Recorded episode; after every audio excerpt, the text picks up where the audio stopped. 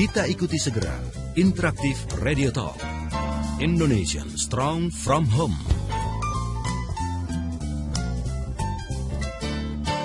Indonesian Strong from Home bersama Ayah Edi, praktisi multiple intelligence dan holistic learning. Selamat mengikuti.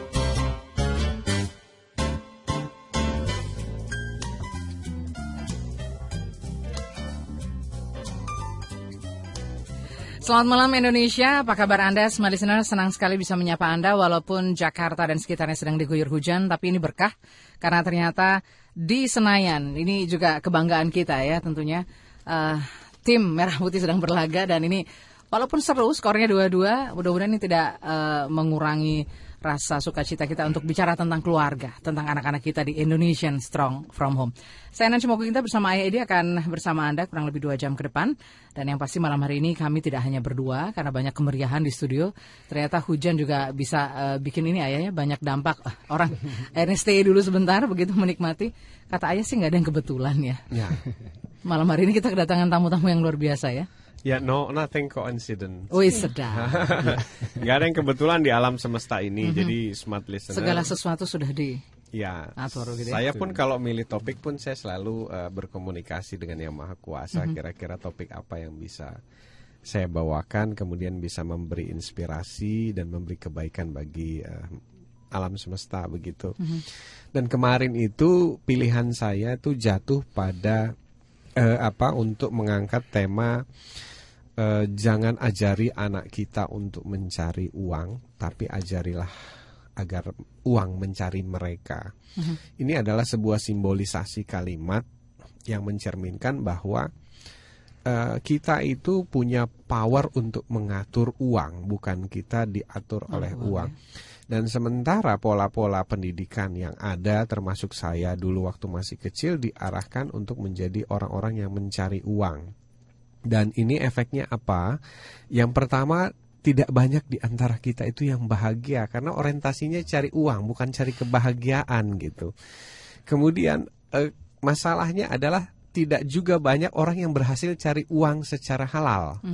Gitu. Kalau orientasinya cari uang, sehingga akhirnya banyaklah eh, terjadilah Indonesia yang sekarang ini karena semua orang berpikir cari uang bukan cari kebahagiaan dan apa yang terjadi kita boleh lihat waktu saya zaman dulu di kantor ya saya 17 tahun di kantor jadi karyawan nah eh, yang namanya garis-garis wajah bahagia itu sangat jarang loh kita temui di di wajah karyawan-karyawan termasuk saya waktu itu ya Tapi bagaimana gitu. dengan wajah-wajah kami sekarang ya? Nah itu dia makanya hari ini smart listener ini adalah blessing dari Tuhan bukan saya yang mengundang bintang tamu saya tapi Tuhanlah yang menyediakan bintang tamunya. Hari ini ya. Hanya saya berpikir begini, eh, saya sering mendatangkan bintang tamu dari luar smart FM. Eh, manusia sering lupa kadang-kadang bahwa eh, di sekitar kita itu bertebaran mutiara. Jadi kalau tadi saya sebut mutiara, ada yang menyebutnya malah bir apa berlian de beers ya.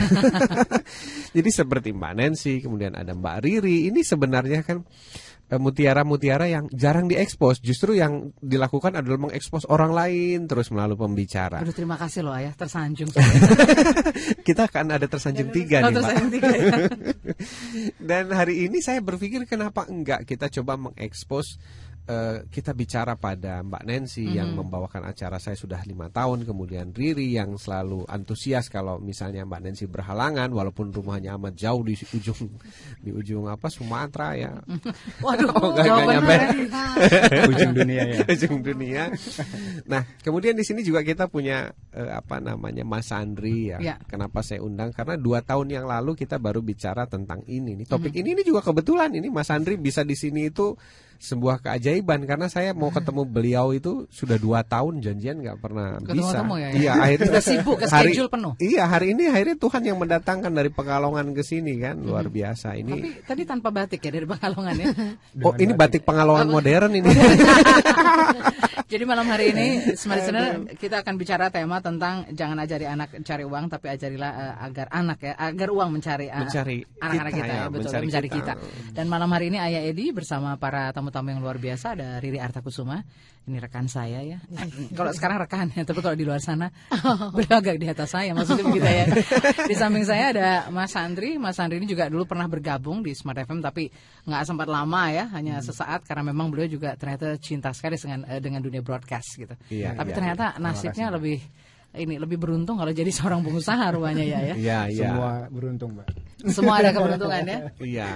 Dan yang belum disebutkan satu adalah Mbak Nancy sendiri. Jadi Oh, saya gitu aja ya? yang nyebutin karena nggak enak kayaknya Mbak Nancy. Masa saya nyebutin diri saya sendiri gitu ya. Narsis kayaknya. Iya, ya. jadi eh, bintang tamu saya ada tiga. Kemudian mungkin kali ini saya lebih banyak eh, jadi penyiarnya. Jadi hostnya ya. jadi host. Oke baik sebelum kita diskusi banyak tentang eh, tema kita, saya mau hadirkan dulu satu lagu nih supaya kita juga ingat kita mau ke mana sih sebetulnya tujuan kita, Oke. arahnya ke mana, pilihan kita ke mana, apakah kita sudah jelas begitu alamat yang akan kita tuju. Do you know where you're going to? Baru saja bertanya ya di akhir lagunya tadi. Do you know? Gitu kita tahu nggak sih sebenarnya kita mau ke mana dan kita tahu atau tidak nih apa yang sudah kita lakukan sejauh ini kita sudah melangkah ke mana saja. Kita masih bersama Ayah Edi dalam Indonesian Strong from Home dan kita diskusi tentang jangan ajari anak cari uang, tapi ajarilah agar uang mencari dia. Dan bersama Ayah juga ada narasumber-narasumber yang hebat malam hari ini dari Ar- Arta Kusuma, juga ada Sandri dan ada saya sendiri ya. Ya. saya sendiri pendamping Ayah selama lima tahun ini ya. Iya, pernah diekspos loh Mbak Nancy bawain acara semua orang. Sekarang ke- saya yang bawain acara Mbak Ini ada certified juga. Oh, gitu ya. certified. Nanti kita akan coba diskusi. Tapi ayah sebelum kita lewatkan beberapa pesan berikut, ada ada poin yang menarik ya. Sebenarnya sering kali mungkin kita tahu kita hendak ke mana, tetapi apa yang bikin mislingnya begitu ya? Eh, kalau kita tahu hendak ke mana itu sudah eh, setengah jalan menuju sukses kalau menurut saya ya. Justru yang banyak eh, saya hadapi itu masalahnya banyak orang yang nggak tahu mau ke mana Mbak Nancy. Nggak Oke. tahu mau ke mana itu sampai usia dewasa bahkan sampai usia tua nggak tahu. Dan ini kan sangat menyedihkan gitu kalau kita biarkan sebenarnya kita ingin berbagi pengalaman supaya ada bahan pembanding. Nah, salah satu kelemahan kita ini kan banyak sebenarnya sejarah-sejarah setelah berbicara kepada kita bahwa penting sekali loh set up destination gitu, yang jelas banget kita mau ke mana, mau jadi apa, clearance. Nah, hanya kan pengaruh-pengaruh eh, culture dan tradisional mengajak kita untuk tidak me- mementingkan apa yang namanya destinasi, tapi lebih mementingkan uang, uang dan uang lagi.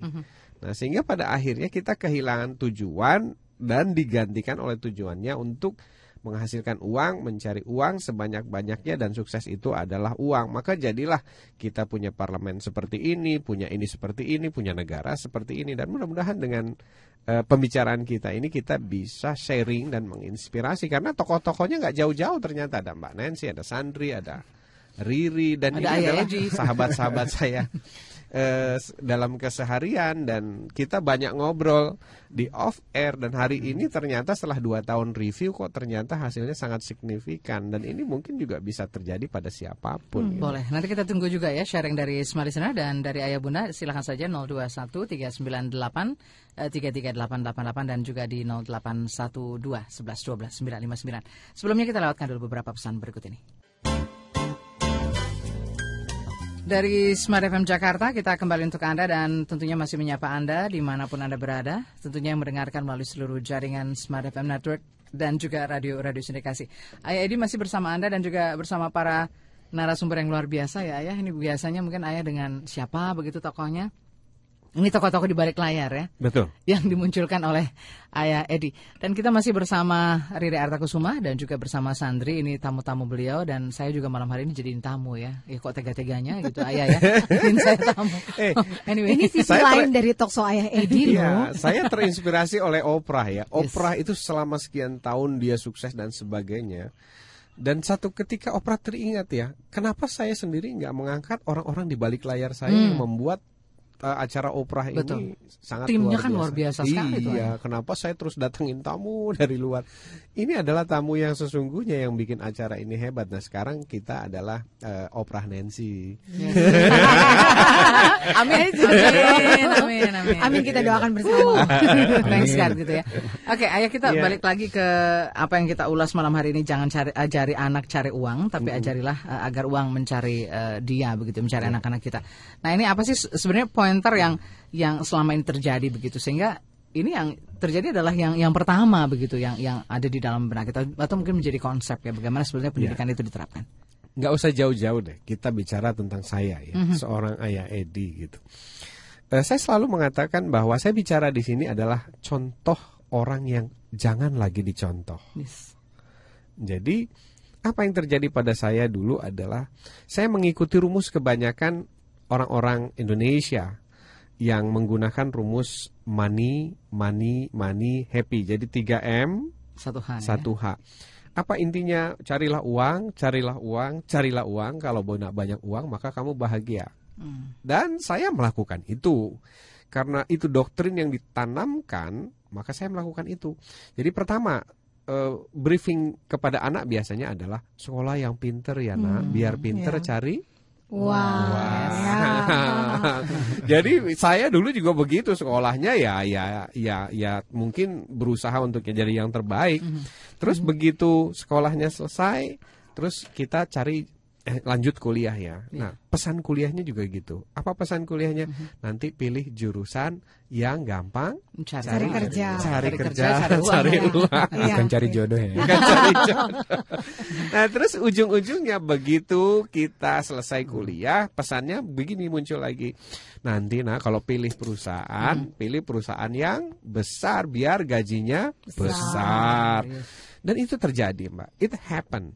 Jadi kalau kita memang meniati itu bisa saja terjadi kalau eh, rumus-rumusnya tepat gitu. Artinya eh, syarat-syaratnya memenuhi.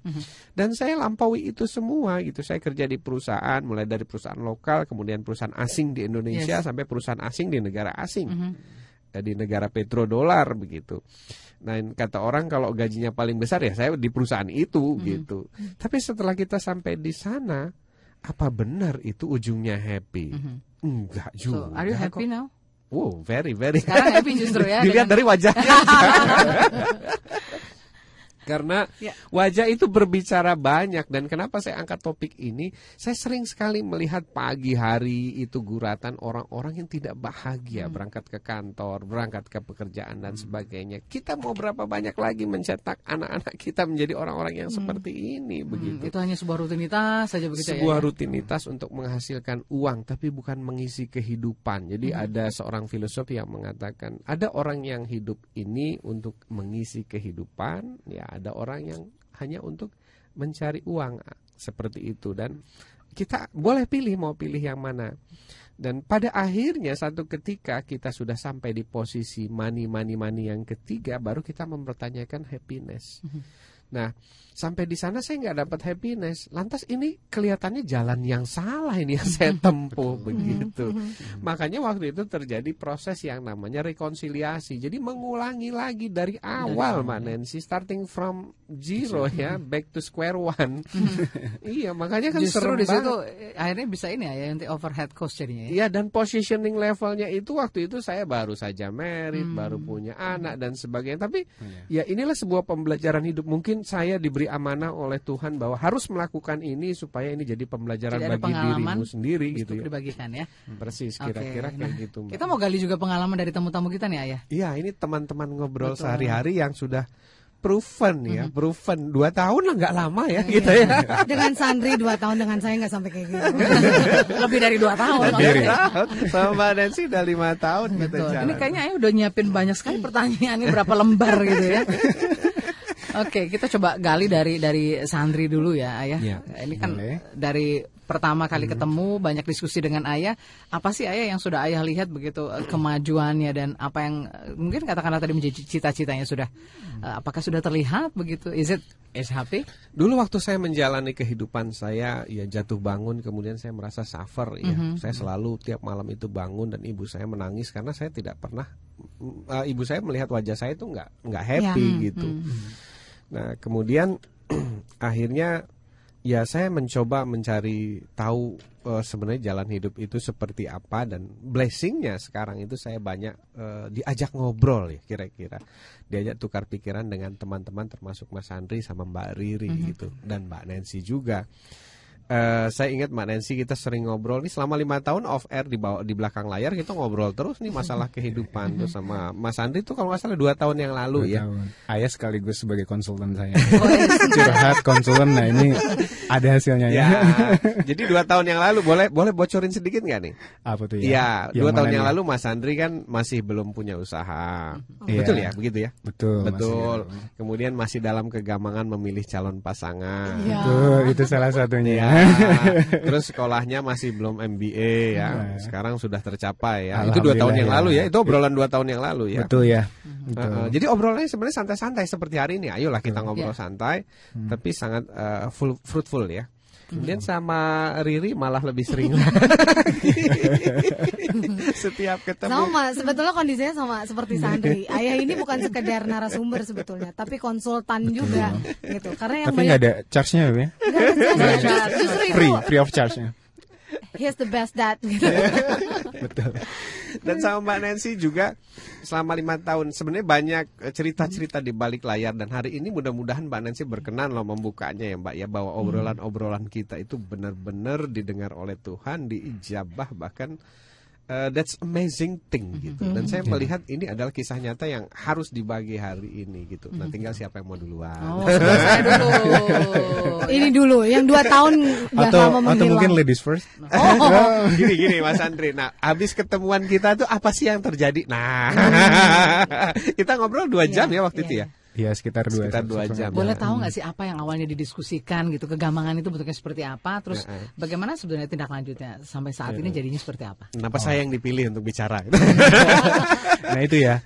Awalnya kok ketemu dengan ayah kan dikenal oleh Riri kan? Iya, iya Nah itu mungkin ya di sini Tuhan yang berbicara. Kita ditemukan secara tidak langsung kan? Iya, iya. Nah kenapa ayah sebagai konsultan juga, ayah juga seorang ayah juga saya bicara dengan ayah kan? Iya, betul. Nah itu bukan keinginan saya untuk mencari ayah. Gitu. Ya memang tadi alam semesta sudah Mendukung ya. mendukung itu sudah diatur. Alhamdulillah. nah jadi yang dulu menjadi kegamangan saya, hmm, saya tuh mau apa sih? Mm-mm. Di sini tuh saya merasa ada sebuah ganjalan gitu. Dalam arti dulu patokannya eh, simple thing saja Mbak Nancy, ayah, Ri. Eh, ini kok kenapa hari Senin lagi ya? Gitu. Oke. I hate Monday ya. Itu. Jadi kalau kita berpikir hari Senin kita berpikir, wah ini I hate Monday, aduh Senin lagi Senin lagi. Nah itu sebagai bisa dibilang sebagai indikator kita kalau kita tuh belum bahagia gitu. Nah kalau udah setiap hari Senin, wah ini hari Senin nih, wah hari Selasa, wah kalau tiap pagi kita bangun seperti itu, nah itu sebagai indikator ya kita sudah menemukan kebahagiaan kita. Nah kalau setiap hari Senin itu, wah aduh Senin lagi, aduh katakanlah ngantor lagi, ah ada urusanin lagi. Ini dua, Nah, itu dua belum- tahun yang lalu ini ya. Cerita dua tahun yang lalu. Nah itu salah satunya indikator kita belum bisa menemukan eh, katakanlah kita belum menyukai apa yang kita lakukan gitu. Di situ otomatis belum menemukan kebahagiaan kita ya. Nah akhirnya konsultasi dengan ayah, ya ini panjang jadi eh, kesimpulannya adalah eh, saya ketemu waktu itu eh, ini menjadi, yang menjadi eh, tujuan hidup kamu apa, kebahagiaanmu apa, passion kamu apa. Nah di situlah saya menjadi diri di situ. Nah kemudian yang pasti juga eh, waktu itu juga konsultasi dengan ayah ya. Yang pasti itu juga peran doa yang pasti itu. Sentuhan tangan Tuhan itu pasti juga akan. Iya. Ya di sini bisa dibilang vital gitu. Iya. Nah akhirnya saya mulai mencari mencari jadi diri kan.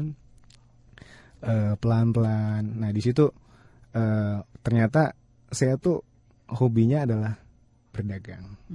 Nah dalam arti suatu hal yang eh, menjadi passion saya di situ adalah saya bisa memberikan yang terbaik untuk Hmm. customer saya. Mulai ke detect Nah, gitu itu ya. mulai ke detect ya. Kecil-kecil walaupun konsumen nggak besar. Nah, Oke. salah satu kedua adalah eh, dunia dalam arti dunia di sini dunia pengusaha gitu. Mhm.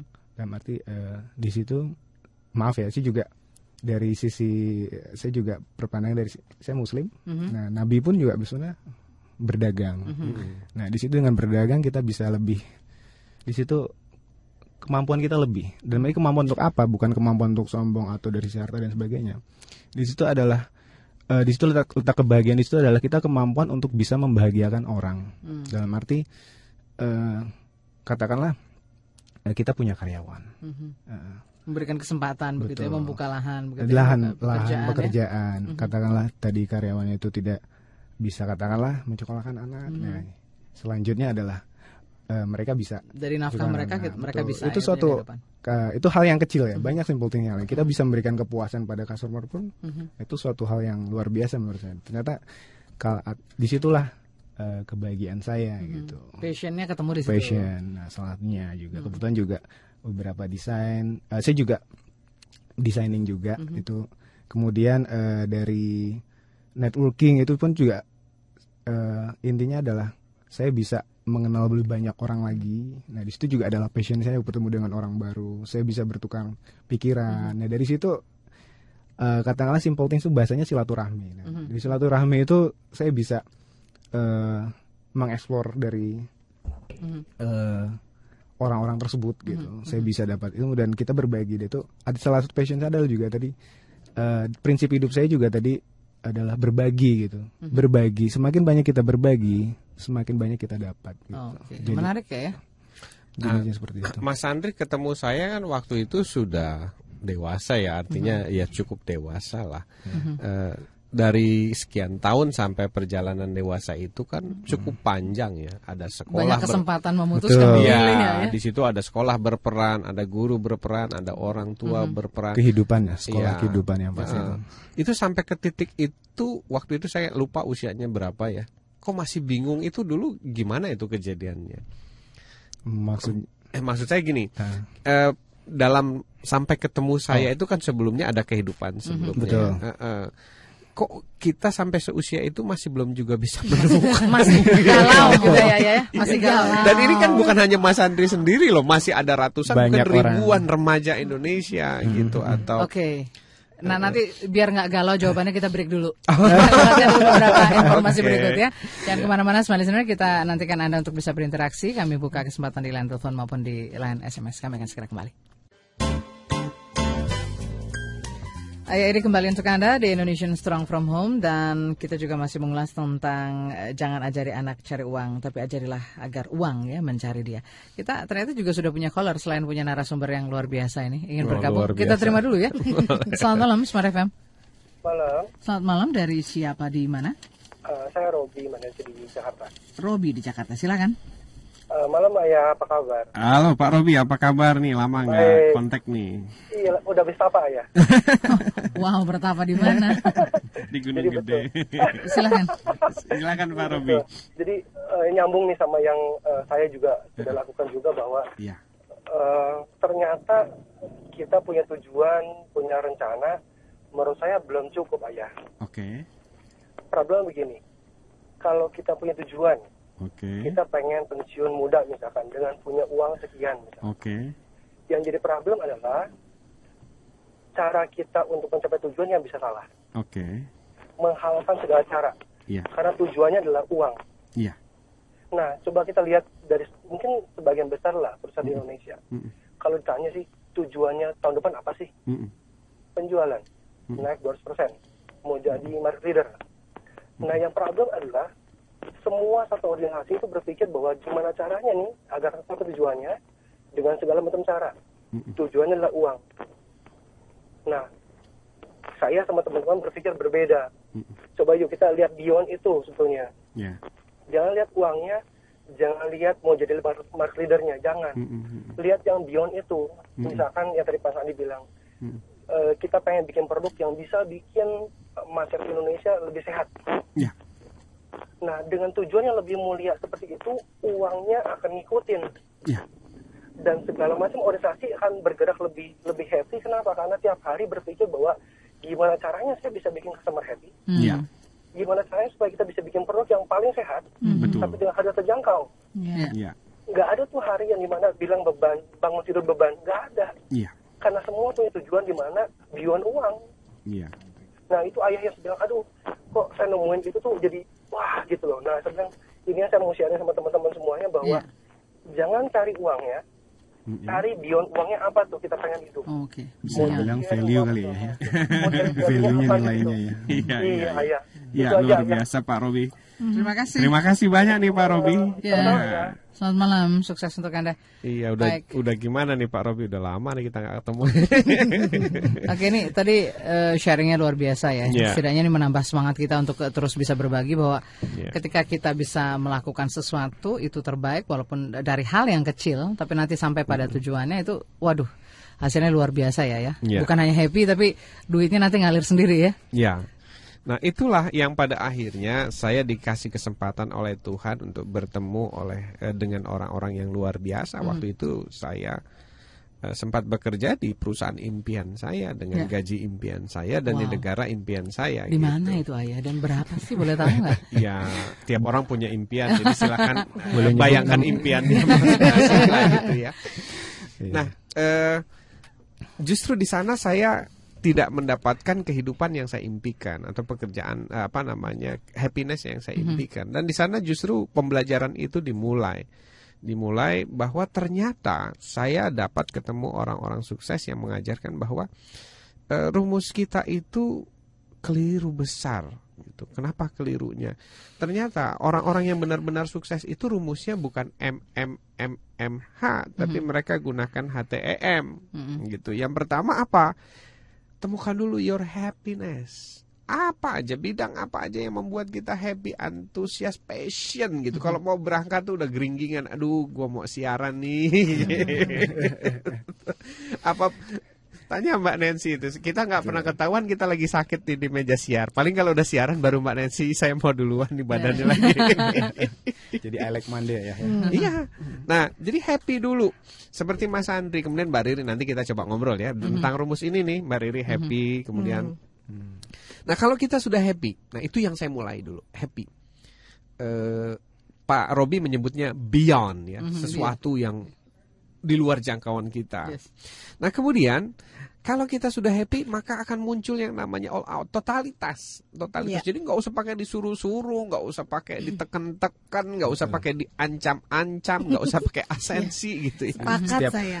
Iya. Setiap hari adalah kebahagiaan ya. Setiap hari adalah kebahagiaan gitu. Jadi model-model absensi yang diubah dari kartu ceklok menjadi sidik jari itu kan sebenarnya upaya untuk Iya. mendisiplinkan, tapi tidak pada esensinya. Esensinya itu buatlah manusia itu bahagia gitu. Jadi nggak usah pakai yang namanya absensi yang pakai sidik jari, mereka akan nggak bolos gitu. Totalitas. Kemudian kalau kita sudah totalitas, setiap hari kita mikirkan itu, fokusnya ke sana. Masa iya sih nggak jadi yang paling hebat? Nggak jadi gitu? expertnya. ya. Iya paling expert di sana dan saya jamin siapa pun yang paling expert, siapa pun yang servisisnya paling bagus, siapa pun yang paling oke, pastilah itu akan diikuti oleh Dicari-cari ya. ya. dicari-cari dan uang itu datang mencari kita Iya. gitu dan bahkan kita jatuhnya tuh nolak-nolak milih gitu mana nih yang mau kita ambil mana yang kita tolak mana yang sesuai passion kita nah ini terjadi. Jadi dua antitesis ini terjadi dalam hidup saya yang usianya sekian ini begitu. Nah, saya cuma punya mimpi bahwa ini mestinya terjadi harusnya lebih muda lagi dari usia saya. Kalau teman-teman dan masyarakat kita ini tahu. Dan waktu itu obrolan inilah yang saya sampaikan kepada Sandri, kepada Mbak Riri, kepada Mbak Nancy seperti itu. Dan eh, ya akhirnya dalam dua tahun ya kita lihat saja nanti ngobrol langsung saja apa sih eh, efek dari perubahan cara berpikir. Oke, di sebelah saya masih ini. galau. Jadi kalau kita keririn dulu ya. kita keririn dulu nih. Oh, Ini oke. sebenarnya saya agak-agak ini kan soalnya menghadapi sang expert juga di. Belajar dari sang guru. Nah, Gimana nih? Apa? Sharing Oh, mau dong. sharing. Riri Sharing. sendiri Iya. apa ya? Ri- Riri berapa lama ya waktu itu terakhir ngobrol sama saya Ria Em, di kegalauan Riri. Gitu. Nah, tiga tahun tiga tahunan Tiga yang tahunan lalu. Pokoknya yang lalu. ya setahun sebelum ketemu Sandri lah. Saya Oke. kalau dihitung-hitung di Smart FM ini, wah kalau dibandingkan dengan Ibu Nancy gitu ya, eh, itu Riri eh, baru empat tahun lah gitu Baru artinya. tahun, mm, hmm. Pada saat itu sih sebetulnya eh, thanks God, artinya saya sudah sudah eh, menemukan oh saya jadi penyiar radio gitu kan. Eh, ini adalah satu pekerjaan yang memang eh, dari dulu saya pinginkan ayah. Jadi kalau kita flashback ke, kalau saya flashback ke belakang itu sebetulnya pada saat ketika keluar dari dari uh, kampus selesai kuliah gitu ya kuliahnya ambil jurusan uh, apa dulu? hubungan internasional Oh, politik iya. Timur Tengah Oke, terus? jadi uh, orang tua semua berharap pasti yang ya sama lah gitu seperti yang tadi you uh, know lah what I mean. Iya, you know lah what I mean. Anak muda banget gitu. Ya. Oh, pinginnya uang dengan gaji yang oh, oke. Iya. uh, Berkantor terus di mana? Berkantor di mana? Apalagi uh, jajaran Sudirman gitu kan. Wah, semua harapannya gitu. Iya. Uh, finally uh, orang tua saya mendapatkan itu. Iya, saya bekerja di uh, Sudirman, kemudian dengan alhamdulillah posisi uh, luar biasa dengan salary yang luar biasa. Tapi yang seperti tadi ayah bilang, uh, saya juga belum menemukan passion saya pada saat itu. Jadi kalau pulang bawaannya ini it's truly happen on my life gitu ya. Iya, Jadi iya. pulang itu saya nangis. Oh. ibu saya yang paling tahu. Pulang itu nangis. Mama aku pengen Kenapa nangis, Mbak? Nggak betah. Nggak betah. Memang gaji oke semua oke. Eh, waktu itu eh, kebe- eh, itu sebelum di siaran belum ini, sebelum belum. broadcast ya? belum. Eh, jadi sudah Oh. broadcast tapi nggak total Oke, oke. jadi sebenarnya itu kayak cuma ya si s- apa simpang siur aja lah gitu Oh, maksudnya iya iya. Belum Sekilas broad- aja, iya, iya, mengisi iya. waktu. mengisi gitu ya, waktu, mengisi waktu. Tapi sebetulnya saya betah di situ. Jadi kalau sampai lama-lama di studio tuh dulu ya di mm, radio yang lama itu saya betah. Tapi kalau aduh besok kerja lagi, aduh males banget ya gitu. I hate Monday ya. I hate Monday banget. Itu tuh udah udah terasa. Sampai suatu ketika padahal pada saat itu alhamdulillah saya as a communication staff itu udah bagus banget gitu kan. Dengan kondisi anak muda fresh graduate gaji sekian itu udah bagus banget. Seketika saya bilang ibu saya, "E, kenapa kamu sering nangis? Kamu pengen, pengen apa? Saya pengen jadi penyiar radio. Ibu saya fine fine aja alhamdulillah walaupun shock gitu. Waktu itu Waktu itu masih jadi staff bukan penyiarnya. ya? Bukan, bukan, Oh, oke. mesti jadi staff. Eh, Kemudian eh, ayah saya bilang, wah seperti biasa. Para orang tua langsung shocking sudah. Oh, minumannya biasa minum itu ya. Langsung sok gini, kamu tahu penyiar radio gajinya berapa? Gitu lah. Tapi, tapi saya bilang gini, oke nggak apa-apa, saya nggak, saya nggak mau maksa, saya cuma ingin kasih tahu gitu loh. Ini, ini, ini Piti mau ini. Jadi di rumah saya dipanggil Piti gitu. Saya pingin jadi penyiar radio. Sampai suatu ketika ternyata usut punya usut, mama saya dulu penyiar radio di ARH. Eh, ternyata nggak Ternyata. jauh-jauh juga ya. Gak jauh-jauh. Jadi Ternyata. mama itu eh, oke. eh, dulu kondisinya radio tuh belum settle gitu. Jadi kalau misalkan this is your choice, be responsible with your choice gitu. Jadi mama tuh membuka sekali eh, kesempatan itu sampai pada Ya, ya, akhirnya peran orang tua besar ya, Mak. banget, Banget ya, ayah biasanya. banget. Sampai akhirnya ayah saya Oke, mau kuliah lagi? Iya, saya mau kuliah lagi. Akhirnya saya memutuskan ngambil kuliah broadcast lagi. Ah, oke. Jadi saya difasilitasi oleh orang tua. Akhirnya, set- tapi saya masih belum lepas communication staff. Tapi saya habis gitu pulang kuliah. Setelah saya mapan di setelah selesai kuliah di broadcast, saya memutuskan keluar dari communication. Mereka galau orang tua saya. Aduh, ini nanti kamu duitnya dari mana gitu kan? Tapi pada Ya ujung-ujungnya selalu pikirannya Oh duit iya ya. betul sampai tapi memang saya percaya mestakung tadi ayah. Iya, dan itu diperkuat ketika saya siaran di Smart FM banyak mendapatkan ilmu dari narasumber dan senior senior saya di Smart FM gitu ya. Eh, artinya ketika kita memang passionate luar biasa Tuhan itu buka jalan gampang banget kayaknya. Buka tapi jalan gampang banget, Banget. ya. Tolong dicatat. Tolong tapi bener loh ayah. Tapi sepanjang kita memang passion ya Iya. passion. Kita memang passion. Jadi saya tuh benar-benar saya cari radio di sini saya udah kalau saya total total saya ditolak berapa kali gitu loh ayah Penolakan mengalami banyak sekali ya. ini kayak nggak cocok suaranya ini nggak Iya. cocok ce- kecentilan atau apa apa aja gitu lah dengan berbagai reason sampai suatu ketika saya dipertemukan dengan senior saya yang sangat luar biasa itu Mas Teddy Zuhari Oh. Ah, jadi di dalam eh, saya dikasih tahu kamu ikut komunitas penyiar aja. Dari situ beliau kasih kesempatan kepada saya untuk memperkenalkan ke Smart FM. Dan saya bilang sama ibu saya, saya nggak mau lagi jadi penyiar radio yang eh, abal-abal gitu, nggak cuma ya gitu dong. Tapi saya mau benar-benar jadi broadcaster. Dari situlah jalan akhirnya mempertemukan saya dengan Smart FM dan dipertemukan dengan eh, Mbak Nancy yang senior saya yang artinya akhirnya banyak nempak gitu kan Ya, ya, ya. di situlah saya jadi dan ya itu akhirnya jalan kebuka dari mana akhirnya saya punya target saya punya rencana saya mau jadi public speaker saya mau jadi ini jadi itu kebuka dengan sendirinya Wow. jadi makanya tadi sebelum mulai talk show saya bilang sama ayah betapa sebetulnya peran orang tua saya selain passion dan kompetensi yang yang dimiliki oleh kita yang memang ngejar impian, itu peran orang tua itu besar banget. Karena dari dulu ayah saya dan ibu saya bilang pokoknya be responsible with your choice. Itu aja. Tanggung jawab dengan pilihanmu. Jadi saya nggak pernah mau ngeluh ketika saya di eh, apa ke dalam kondisi susah di Punya kendala ini ya. punya kendala tapi Ini ngomong-ngomong di rumah pernah ada Barata Yuda nggak gitu? Karena ada satu perang gitu mendukung, satu mendukung kan satu nggak mendukung. aha. Oke. Ini kita bakal cerita perang Barata Yudanya sesudah commercial break ya. Oh, iya, iya, iya, Karena iya. saya harus bertanggung jawab juga sama waktu nih ya. Jadi jangan ke mana-mana dan terima kasih banyak untuk kalian yang sudah berkirim SMS. Nanti kita akan coba tanggapi satu persatu dan eh, tetap bersama kami di Indonesian Strong From Home. Kembali untuk Anda dan selamat malam juga untuk Anda yang mendengarkan melalui radio-radio sindikasi. Senang sekali menyapa Anda di program Indonesian Strong From Home. Ayah Edi juga masih berbincang untuk Anda dengan tema yang unik dan menarik pastinya. Jangan ajari anak cari uang, tapi ajarilah agar uang mencari dia. Kita juga masih bersama para narasumber yang luar biasa ya. ya. Ini mungkin mengalahkan siaran yang ada di Senayan ini. Ya. Sama hebohnya gitu ya maksudnya. padahal AC udah nyala tapi keringet nambah Masih tetap panas gitu. Di sini nggak ada pemain, tapi penonton semua. Jadi sorak-sorai. rame. Kalau kita dengar dari pengalaman eh, Sandri tadi ya, dari kegalauan memilih lalu juga memutuskan akhirnya sekarang juga kalau bicara soal pendidikan dan apa yang ditempuh sekarang kan ini sebetulnya ini ya, ya jauh berbeda seperti itu. Tapi ternyata di situ passionnya. Kalau dari Riri sendiri sebenarnya bagaimana memutuskan sesuatu juga butuh dukungan ya, butuh support orang-orang terdekat terutama ya, ya kan keluarga adalah eh, pagar utama dan pertama begitu bagaimana anak-anak ini punya nilai dan juga bertumbuh kembang seperti itu. Nah justru support dari bunda itu luar biasa sekali. Bagaimana ayah menyikapinya?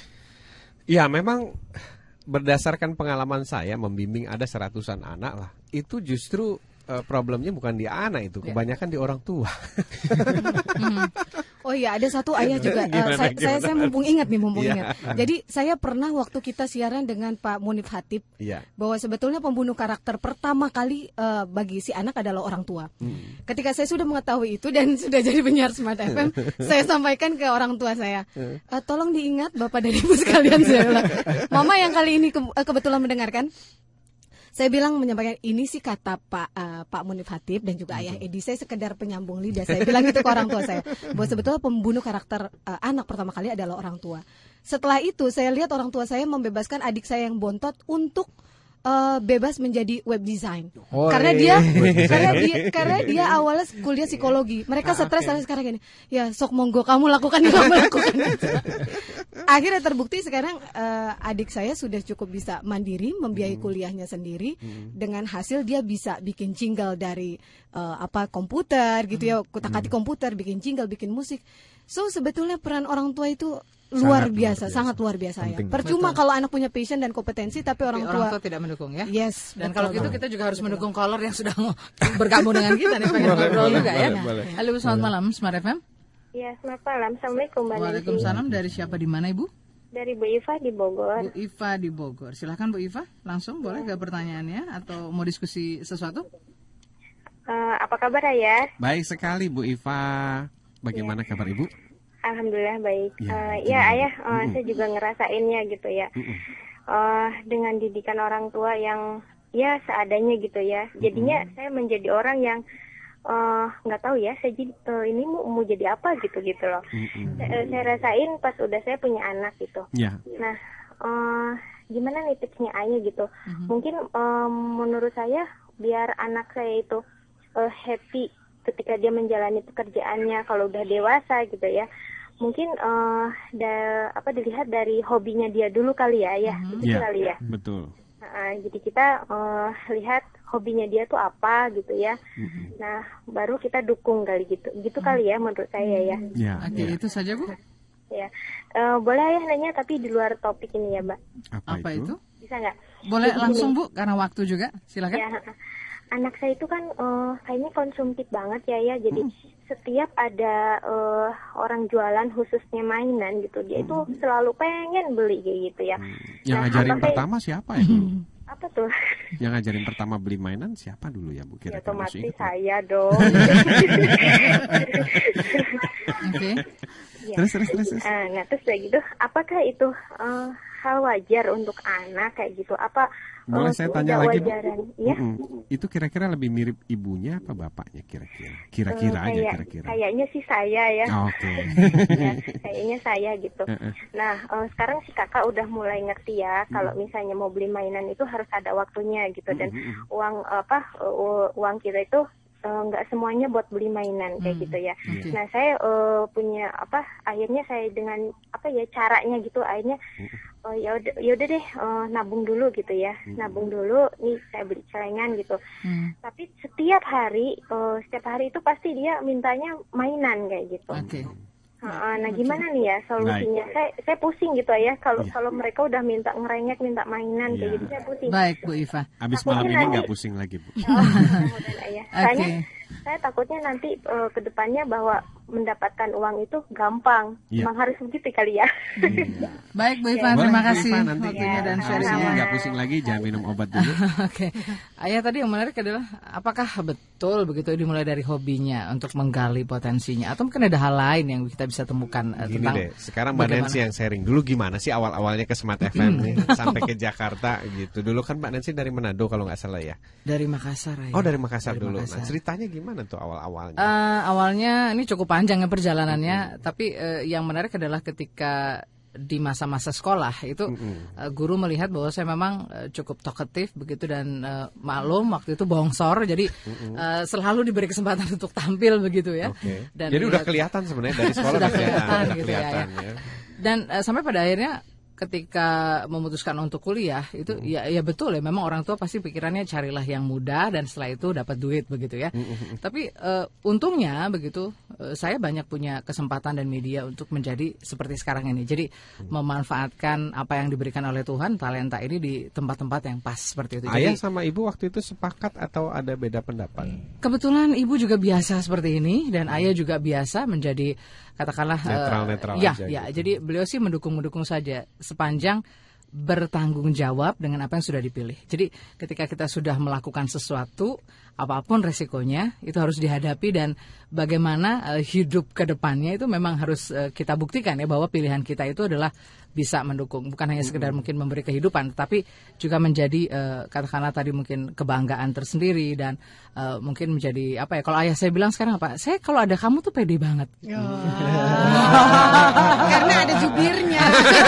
ada jubirnya ini. Jadi kalau kita ketemu ya ya ngobrol dan diskusi selalu ada yang bilang begini. Pernah dengerin nggak sih kalau Nancy lagi talk show gitu kan? Itu He's seru loh. proud of you. Ah, jadi apa? Jadi kebanggaan eh, ceritanya betul. ya. Jadi sepupu-sepupu saya yang yang sering mendengarkan Smart FM itu kan sudah banyak mendapatkan manfaat. Ini mudah-mudahan denger nih. Jadi mereka pada promosi bahwa dengerin dong. Itu ternyata di situ eh, si Nancy itu luar biasa loh ketemu Apalagi orang-orang kalau lagi hebat bawain gitu ya. Indonesian Strong From ketemu orang-orang yang luar biasa dan hebat Ya, dan itu juga buat saya ini ya ya ini suatu berkah ya memang tidak ada yang kebetulan begitu Eh, setiap mimpi-mimpi kecil saya itu sudah terwujud dan mulai tapi yang paling penting adalah yang menarik kalau saya boleh belajar dari pengalaman itu orang mungkin sulit untuk berproses karena di situ kan pasti butuh waktu, Ya. butuh kesabaran, Ya. butuh ketekunan. Nyali. Ya, nyali, yang pasti. Nyali, ayah Nyali. bener banget. Iya. Karena aku sampai keluar itu dari Faktor terbesar tuh nyali, terus yang Iya. kedua alasannya uang. Nggak Iya, jauh dari iya, itu iya. biasanya. Betul, iya. Kehilangan uang yang sudah pernah kita dapat jumlahnya sekian itu dalam banget kalau Oh, bener ya, bener. Dan ada bener, perasaan khawatir ya, apa ke depannya saya masih bisa memperoleh kenyamanan ini sebelumnya? Itu zona nyaman ya. Di situlah Betul. pada akhirnya Mas Andri saya masuk aliran spiritual. Tapi Semoga rupanya- bukan aliran sesat ya. Rupanya ini perbincangan yang menarik sekali. Itu juga sudah punya penelpon lagi. Iya. Oh, Nanti kita oke. coba Boleh, boleh, eh, boleh. sapa dulu. Selamat malam, Smart FM. Iya, selamat malam. Dari siapa di mana Ibu? dari Bu Emi Balikpapan. Bu Emi di Balikpapan. Ibu Iya. boleh langsung saja karena kita mepet sekali waktunya. Iya, Silakan Ibu. malam ayah, malam Mbak Nancy. Selamat selamat malam malam, Bu Ibu. Emi. Eh, ini ayah saya bingung nih. Mm-mm. Soalnya saya punya apa punya anak, Mm-mm. kedua jarak umurnya dekat sekali, Oke. beda dua tahun dua bulan. Mm-mm. Terus saya seharian kan ngurusin anak. Iya. Suami saya eh, dinas di luar kota. Oke. Eh, gimana ya cara ngurus anak ya? Eh, Hmm. maksudnya saya suka ngelarang, ba- eh, ibaratnya saya sudah membunuh karakter dia lah ya. Maaf, ya. Wah, terima kasih banyak Bu. Kesadaran itu setengah jalan menuju sukses. Oke, baik nanti kita diskusikan Bu Emi. Terima kasih teleponnya. Makasih ya. Oke, ya. sukses untuk keluarga dan untuk Bu Iva juga di Bogor harap bersabar dulu ya. Ya. Karena kita harus lewatkan dulu beberapa informasi karena Mas Bo juga udah kasih tanda ke saya gitu. saya harus ini Silent juga. code. Salah satu mungkin yang yang membuat kita bisa sukses adalah kita juga harus patuh gitu. Ada beberapa hal yang memang itu juga jadi rule ya. Iya. Jadi eh, apa namanya? Hukum alam semesta. Betul, tatanya begitu ada ada tatanya. Baik, jangan ke mana-mana, listener, kita masih akan kembali untuk anda. Tetap bersama kami di Indonesian Strong from Home. Dari Smart FM Jakarta kita masih bersama Anda dan setiap Selasa malam dari pukul 20 hingga 22 kita hadirkan program Indonesian Strong from Home bersama Ayah Edi, praktisi pendidikan berbasiskan multiple intelligence dan juga holistic learning. Dan malam ini tema kita masih mengulas tentang jangan ajari anak cari uang ya, tetapi ajarilah agar uang itu mencari dia. Nah, Ayah tadi pertanyaannya Bu Ivan yang cukup menggelitik, apakah cukup hanya dari hobi saja itu bisa eh, tentunya kita temukan potensinya seperti itu atau mungkin ada ada hal-hal lain yang perlu kita cermati juga sehingga itu menjadi tadi bukan hanya sekedar kompetensi tapi passionnya dia. Nah itu ya yang ayah maaf motong ini. Yes. Nah itu apa-apa. saya pernah juga dulu di Mhm. di judge sama ayah dan berarti maksudnya berdasarkan judgement beliau. Aha. eh, kan dulu background saya memang IT Mhm. S1. Eh, San kamu nggak cocok depan Begitu komputer lihat langsung aja. bilang gitu ya. kamu cocoknya bukan di situ. Terus apa ya? Ya kamu seperti tipe yang bertemu banyak orang. Ya kebetulan dan di situ juga passion saya adalah salah satunya marketing ya, networking. Nah kemudian juga Bisnis akhirnya ya yang waktu itu saya bilang ya. Nah, betulnya akhirnya finally saya juga merenung, merenung dan akhirnya memang passion saya ada salah satunya ya nggak berkaitan dengan intinya berkaitan dengan bisnis gitu. Salah satunya memang marketing. Dan kemudian saya ngambil S2 memang alhamdulillah saya juga menuntaskan dengan ya MBA ini ya. Bisnis Itu salah satu passion saya dan ya. S2 saya pun juga dalam arti menjalankan juga dengan senang hati gitu. Itu ya mungkin selain hobi ya, mungkin ada indikator atau apalagi sampai ayah men menjudge, oh kamu nggak cocok nih ini di depan komputer saja gitu ya. Jadi sebenarnya signal-signalnya itu udah dimiliki. Mbak Nancy, Sandri, sama Riri itu udah punya signal-signalnya ya bahwa dia itu menyukai apa. Hanya sering kali tradisi, tradisi Indonesia itu alat ukurnya kan uang. Kalau menyukai broadcast berapa sih uangnya gitu. Jadi semua diukur pakai uang gitu. Ayahku mudah-mudahan gak dengar ya. Nah kemudian kalau Sandri misalnya bicara tentang kepastian, kepastian pekerjaan, itu kan kalau orang-orang komputer IT kepastiannya tingkatnya tinggi. Saya kawan-kawan saya selalu bilang gitu, masuk aja IT nanti lu bisa kerja di Jerman, bisa kerja Betul di ya. Betul ya. Iya betul gitu kan? Betul. Saya dulu waktu kita ngambil keputusan S1 seperti itu hanya ikut-ikut aja. Oh, kok banyak. Ya udahlah, gua. Cuman nggak tanpa menganalisa diri saya lebih dalam lagi. Iya. Sama dulu kawan-kawan saya juga ngajakin semua masuk IT kan. Kenapa? Kalau IT enak loh bisa kerja di mana-mana karena bahasanya sama. Nanti kalau kerjaan lain loh pindah negara harus nyesuaiin bahasa, harus nyesuaiin sistem dan sebagainya. IT kan nggak bahasanya sama. Kalau kobol kobol gitu. Kalau ini basic basic kan begitu sama mau di negara mana pun. Makanya movingnya gampang. Eh, saya karena saya memang mencintai dunia pendidikan gitu. Jadi akhirnya saya belajar dari mana pun dan apa pun. Nah, eh karena faktor-faktor saya mencintai itu akhirnya tumbuh yang disebut sebagai intuitive talent. Nah, bukunya itu ada namanya The Blink. Ya. The Blink. The Blink itu adalah mengasah kemampuan dalam dua detik untuk melihat seseorang. Oh, dua detik sana, tak tak gitu. Dua detik. Nah, waktu itu sempat tahun yang rame-ramenya bom Bali itu saya mau buat pelatihan sebenarnya. Nggak usah pakai detektor yang pakai di sodok-sodok. Nggak usah pakai gituan. Sebenarnya dalam dua detik kalau kita latih itu para security dan oh, anggota-anggota lainnya itu mereka bisa mendetek loh orang ini bawa bom apa enggak. Itu di Amerika ditunjukkan dalam filmnya itu The Blink ya. The Blink bagaimana seorang eh, apa namanya pabean-pabean bea cukai Amerika tuh dilatih untuk melihat nih bawa narkoba apa enggak itu orang gitu. Nah, itu yang saya gunakan dan saya asah. Eh, melalui ilmunya Howard Gardner, melalui ilmunya si siapa banyak lah pokoknya ya tokoh-tokohnya. Terus yang kedua, karena eh, misi yang saya bawakan ini kan pendidikan. Pendidikan itu kan tanggung jawabnya besar ya sama Tuhan. Jadi bukan tanggung jawab pada departemen apa pun. Saya bertanggung jawab sama Tuhan. Kalau saya salah maka generasi ke depan salah dan itu Tuhan akan tanya, "Eh kemarin kamu bilang apa sama para orang tua sampai anak-anak mereka diarahkan ke sana?" Digantung saya sama Tuhan kan. Makanya Mhm. Makanya pada saat saya mulai menyentuh dunia pendidikan, saya mendekatkan diri pada Tuhan melalui jalan spiritual ya. Spiritual itu lebih relatif individually ya. Jadi kalau agama kan harus begini, harus begini, harus begini, agama anu begini. Kalau spiritual itu lebih ke individually bagaimana kita menerjemahkan hubungan baik kita sama Tuhan. Dan saya lakukan itu setiap hari. Jadi kalau saya katakan di Smart FM habis pulang siaran itu tanya istri saya nggak pernah tidur itu saya selalu mengevaluasi tadi saya ngomong bener gak sih gitu. Nah itu saya lakukan dan setiap hari saya eh, lontarkan kepada Tuhan, saya lempar ke atas supaya Tuhan merespon. Dan alhamdulillah eh, melalui kegiatan itu setiap hari, maka saya punya sensitivitas. Waktu itu saya ketemu Mas Andri, ngobrol. Biasanya kalau pertemuan pertama itu setengah jam orang yang ngobrol saya dengerin saja dari gayanya, dari caranya, dari apanya. Langsung saya tembak der gitu. Nah waktu saya tembak itu saya punya debling tadi. Debling itu intuitif bahwa oke ini orang salah jurusan nih. gitu. Angkot kali ya. Iya. Terus yang kedua gitu.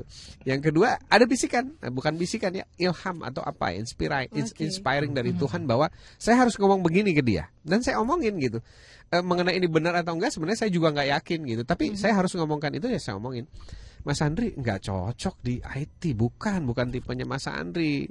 Eh, you are ini orang yang begini begini begini begini bisnis nih saya inget banget waktu itu ngomong yang cocok tuh bisnis dah saya bilang bisnis coba bisnis lah pikirkan Ditambah bisnis tampang udah pas ya ya. ya. Tapi bukan bisnis tampang loh. ya. Packaging udah oke nih. Jadi kayak gitu, sama saya juga ngomong sama Mbak Nancy juga gitu kan sering kita ngomong gini. Tet, tet, saya biasa dengerin Mbak Nancy itu sambil tet nungguin inspiring apa nih yang muncul gitu. Dan alhamdulillah ya eh, kebanyakan teman-teman sahabat-sahabat yang ngobrol sama saya itu eh, well live proven gitu. Terbukti kejadian, kejadian, kejadian, kejadian. Cuma eh, perlu diketahui bahwa saya bukan siapa-siapa. Saya hanya menyampaikan saja bahwa alam semesta itu cara kerjanya kayak gini loh. Nah, eh, itu berhasil atau tidak itu tergantung sangat tergantung pada individual tadi melaksanakan apa atau tidak. Makanya waktu itu pertanyaan saya eh, di end obrolan saya sama Mas Andri, Mas, habis dari sini ingat ya, Anda akan jadi berhasil sukses atau tidak itu bukan ada di saya, tapi ada di Sandri. Betul ya Ria waktu itu ya, saksinya Riri itu. Dua tahun yang lalu. Dua tahun yang lalu. Kalau obrolan kita ini benar-benar diaplikasikan, lihat nanti. Kita ketemu lagi Mas Andri udah jadi apa. Itu itu waktu itu ucapan saya. Dan factually kita dipertemukan hari ini. Iya, gitu. iya. Ini Riri belum bongkar, Nancy belum bongkar.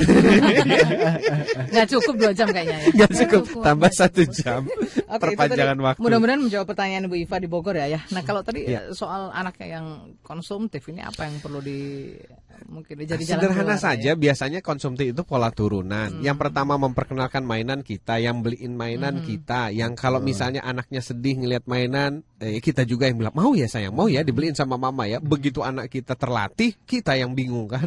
Kok anak saya jadi begini? Lupa bawa pelatihnya itu kita. gitu. Siapa yang mengajak ke toko mainan juga siapa? tuh?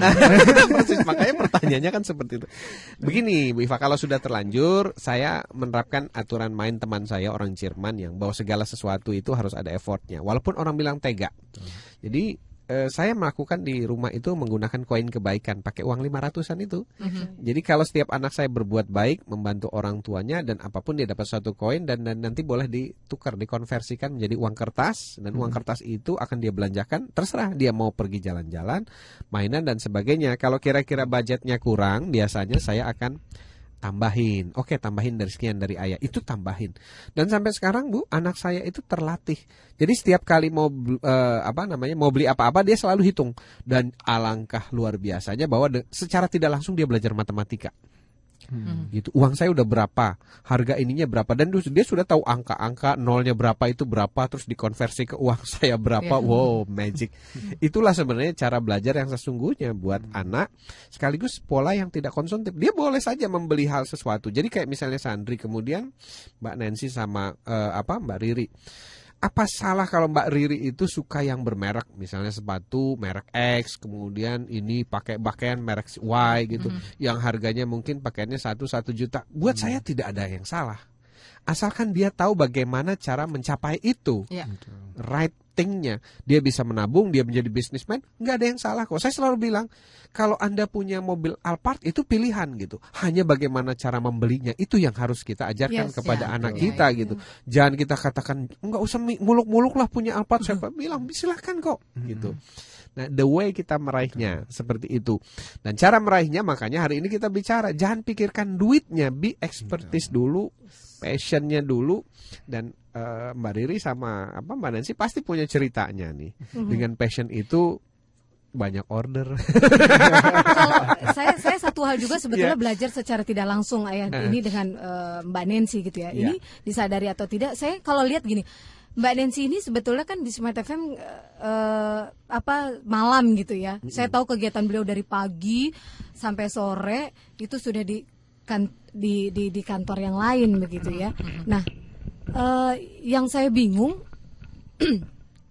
Mbak Nancy itu sudah sudah dengan capek luar biasa semua. Tapi kalau ngelihat Mike, ini dia bisa senyum loh. Mike, ya. saya Mike. rasa jangan-jangan bukan di sana passionnya. Udah, dita- udah tahu jawabannya ya. saya, saya, saya mohon maaf nih Mbak Desi, tapi saya ngeliat Mbak Desi itu happy gitu. Apalagi kalau udah acara country, acara Ayah Edi gitu ya. Aduh, saya ngeliat, oh ini ya. Padahal sebetulnya kalau ngukur fisik gitu ya, kita kan capek banget kerja dari pagi gitu. ya. Iya. Ini inilah yang sebetulnya dinamakan passion. Akhirnya sampai dengan jam 10 masih standby siaran gitu. Masih oke. Walaupun Masih oke. terasa. Oh iya benar benar. Ya itu benar yang ayah bilang tadi ya, bukan hanya sekedar tadi happy, tapi kita totalitas kita ada di Totalitas, situ. ya. Jadi expert. Karena kan ada waktu, ada kesempatan, ada jam terbang ya. Itu kan membuat kita akhirnya betul-betul ini ya ya eh, mendapatkan kesempatan, juga dipercaya dan saya juga punya beberapa mimpi-mimpi yang kecil. Katakanlah waktu itu wah seru juga nih ya kalau saya waktu itu saya masih siaran di di Makassar ya. Di Makassar, gimana ya. caranya saya bisa disiarkan eh, saya bisa siaran dan didengarkan oleh begitu banyak begitu ya, Orang bukan di Indonesia, di ya. Indonesia. Dan bukan hanya sekedar saya ingin didengarkan tetapi apa yang saya bawakan bersama narasumber itu menjadi banyak inspirasi begitu. Itu kan luar biasa. Iya. Tuhan jawab. Akhirnya saya ada di Jakarta seperti itu. Lalu di saat yang lain saya juga berpikir kenapa enggak ya? Gimana sih caranya bisa nge-MC jadi MC protokoler katakanlah ke, kenegaraan begitu? Apakah harus di istana atau di mana? Tapi gimana caranya upaya itu? Jadi ada mimpi-mimpi kecil keinginan saya untuk eh, bisa sampai ke sana. Dan alhamdulillah itu sudah kesampaian juga ya. Ya. saya sudah eh, apa namanya dipercaya waktu itu dipilih untuk menjadi salah satu MC di depan eh, orang nomor SBY. satu Indonesia begitu ya. Luar biasa. Uh, dahsyat itu pengalaman yang luar biasa banyak MC juga tuh. Iya benar benar benar. Itu doa dari Mike juga tuh.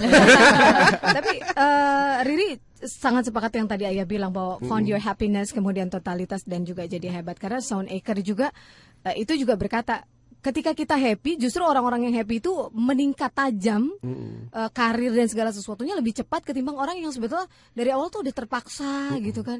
Udah lesung aduh nggak enak banget gitu. Gimana rezeki kalau kita kan kebetulan saya muslim ya gimana kita rezeki mau nempel ke kita mau dekat Nyamperin gitu, gitu ya. kalau kita semerawut muka sungut gitu kan nggak akan nyamper gitu kayaknya. Ya bi- biasanya begini ya, biasanya begini. Waktu saya bicara gitu sama Mbak Nancy kah atau Mas Andri atau Mbak Riri, biasanya saya punya kekhawatiran begini. Ini yang saya sampaikan salah nggak? Karena saya kan bicara tentang masa depan, Iya. masa depan mereka gitu.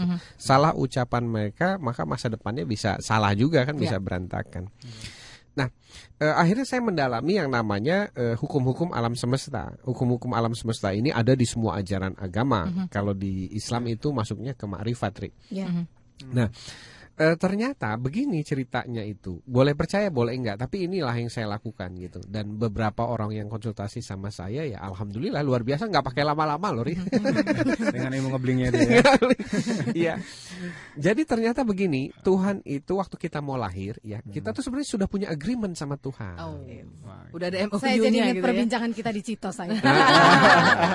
kita sudah punya agreement makanya agreementnya Mbak Nancy apa sama Tuhan? Agreementnya Sandri apa? Agreementnya Riri apa? Oke. aku turun nih mau apa mau apa mau apa mau apa. Itu udah detail sekali. Ya. nah agreement itu terlupakan pada saat kita lahir kemudian ingat kembali pada saat anak-anak sampai besar. Ingat lagi tuh. Ingat lagi cuma ter, ter apa tertimbun oleh tradisi tadi.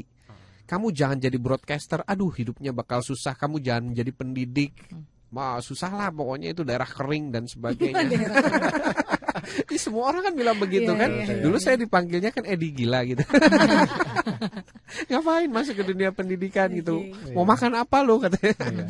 Nah, eh ternyata yang yang sesungguhnya terjadi begini. Waktu Sandri deal sama Tuhan, waktu Mbak Nancy deal sama Tuhan, eh, Riri deal sama Tuhan, oke ya kata Tuhan, deal ya kita ya, kamu turun mau jadi ini.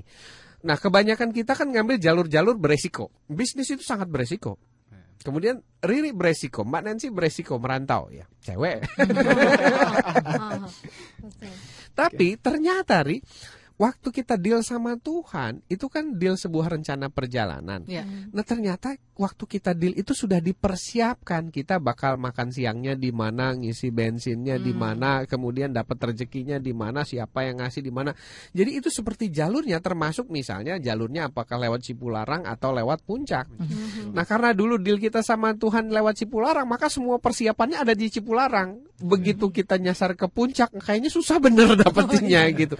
Makanya waktu Riri tadi mengatakan semua jalan sepertinya terbuka. Nah itu adalah yang saya yakini dan saya sampaikan waktu itu sama Riri. Coba Ri, kuatkan nyali kamu, ambil ini.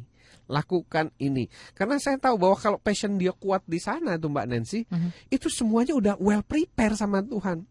Nah nanti akan dibuka nih di detik ini ketemu siapa. Ingat gak ucapan saya waktu itu? Nanti kamu akan ketemu siapa di detik ini. Ini itu juga sama sama Mbak Nancy.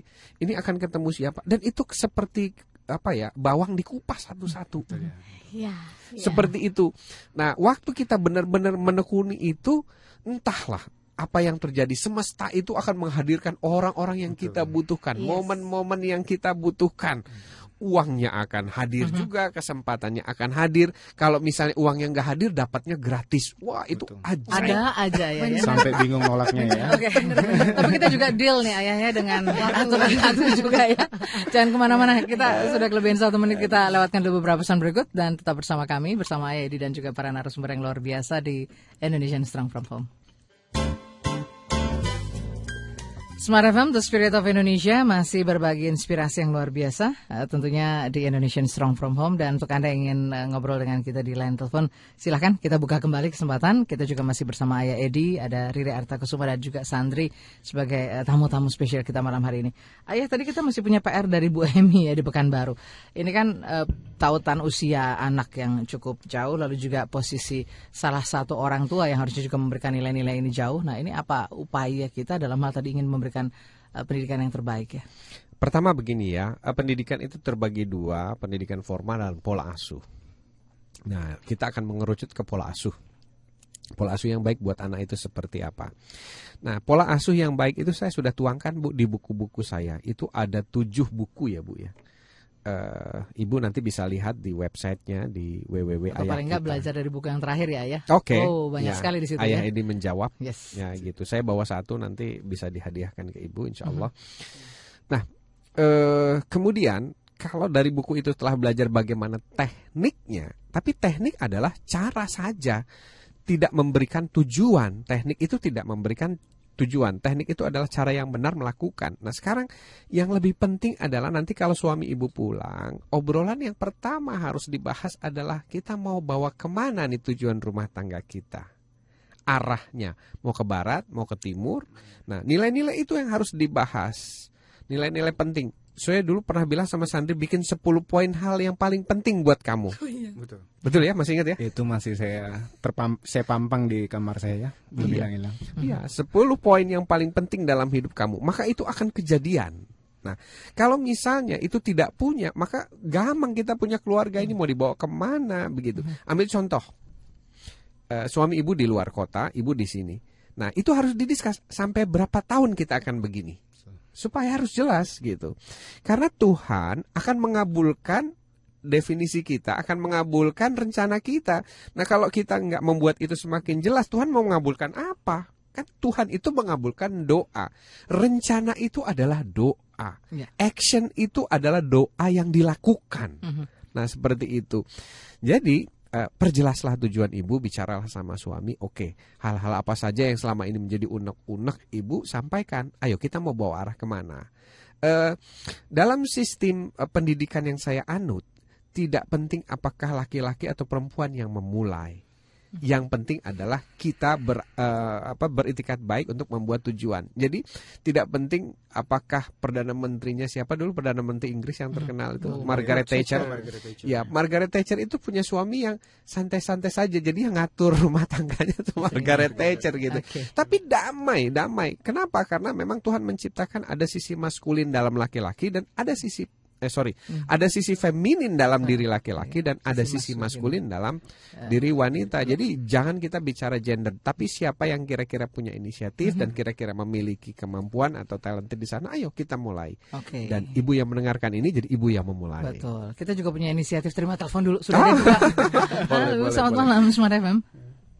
Malam Mbak Nancy. Selamat malam Mbak, dari siapa di mana? Oh, dari Tobita Makassar. Pak Tobita. Iya. kehidupan Mbak Boleh. Silahkan Pak Tobita. Benar Nancy ini. Masih kemarin-kemarin waktu di Makassar ini masih langsing nih. Suaranya, suaranya. Oh gitu ya. Sekarang juga masih langsing. Suaranya Masih lagi. Karena Mas. udah ibu lah kata ini. Oke. Pak Bongsor itu eh, Ah. sambil langsing bisa loh Pak. Pak Tobita boleh langsung Pak ke bahan diskusinya. Iya, jadi ini Pak ah, Mbak Riri. Iya. Mbak Riri malam. Iya, selamat malam, Pak. Ah, Mbak Riri tidak lebih cantik dari yang lainnya, cuma sedikit lebih ceria.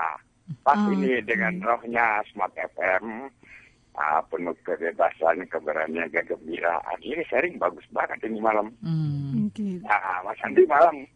Iya, malam Pak. Ya, Sehat.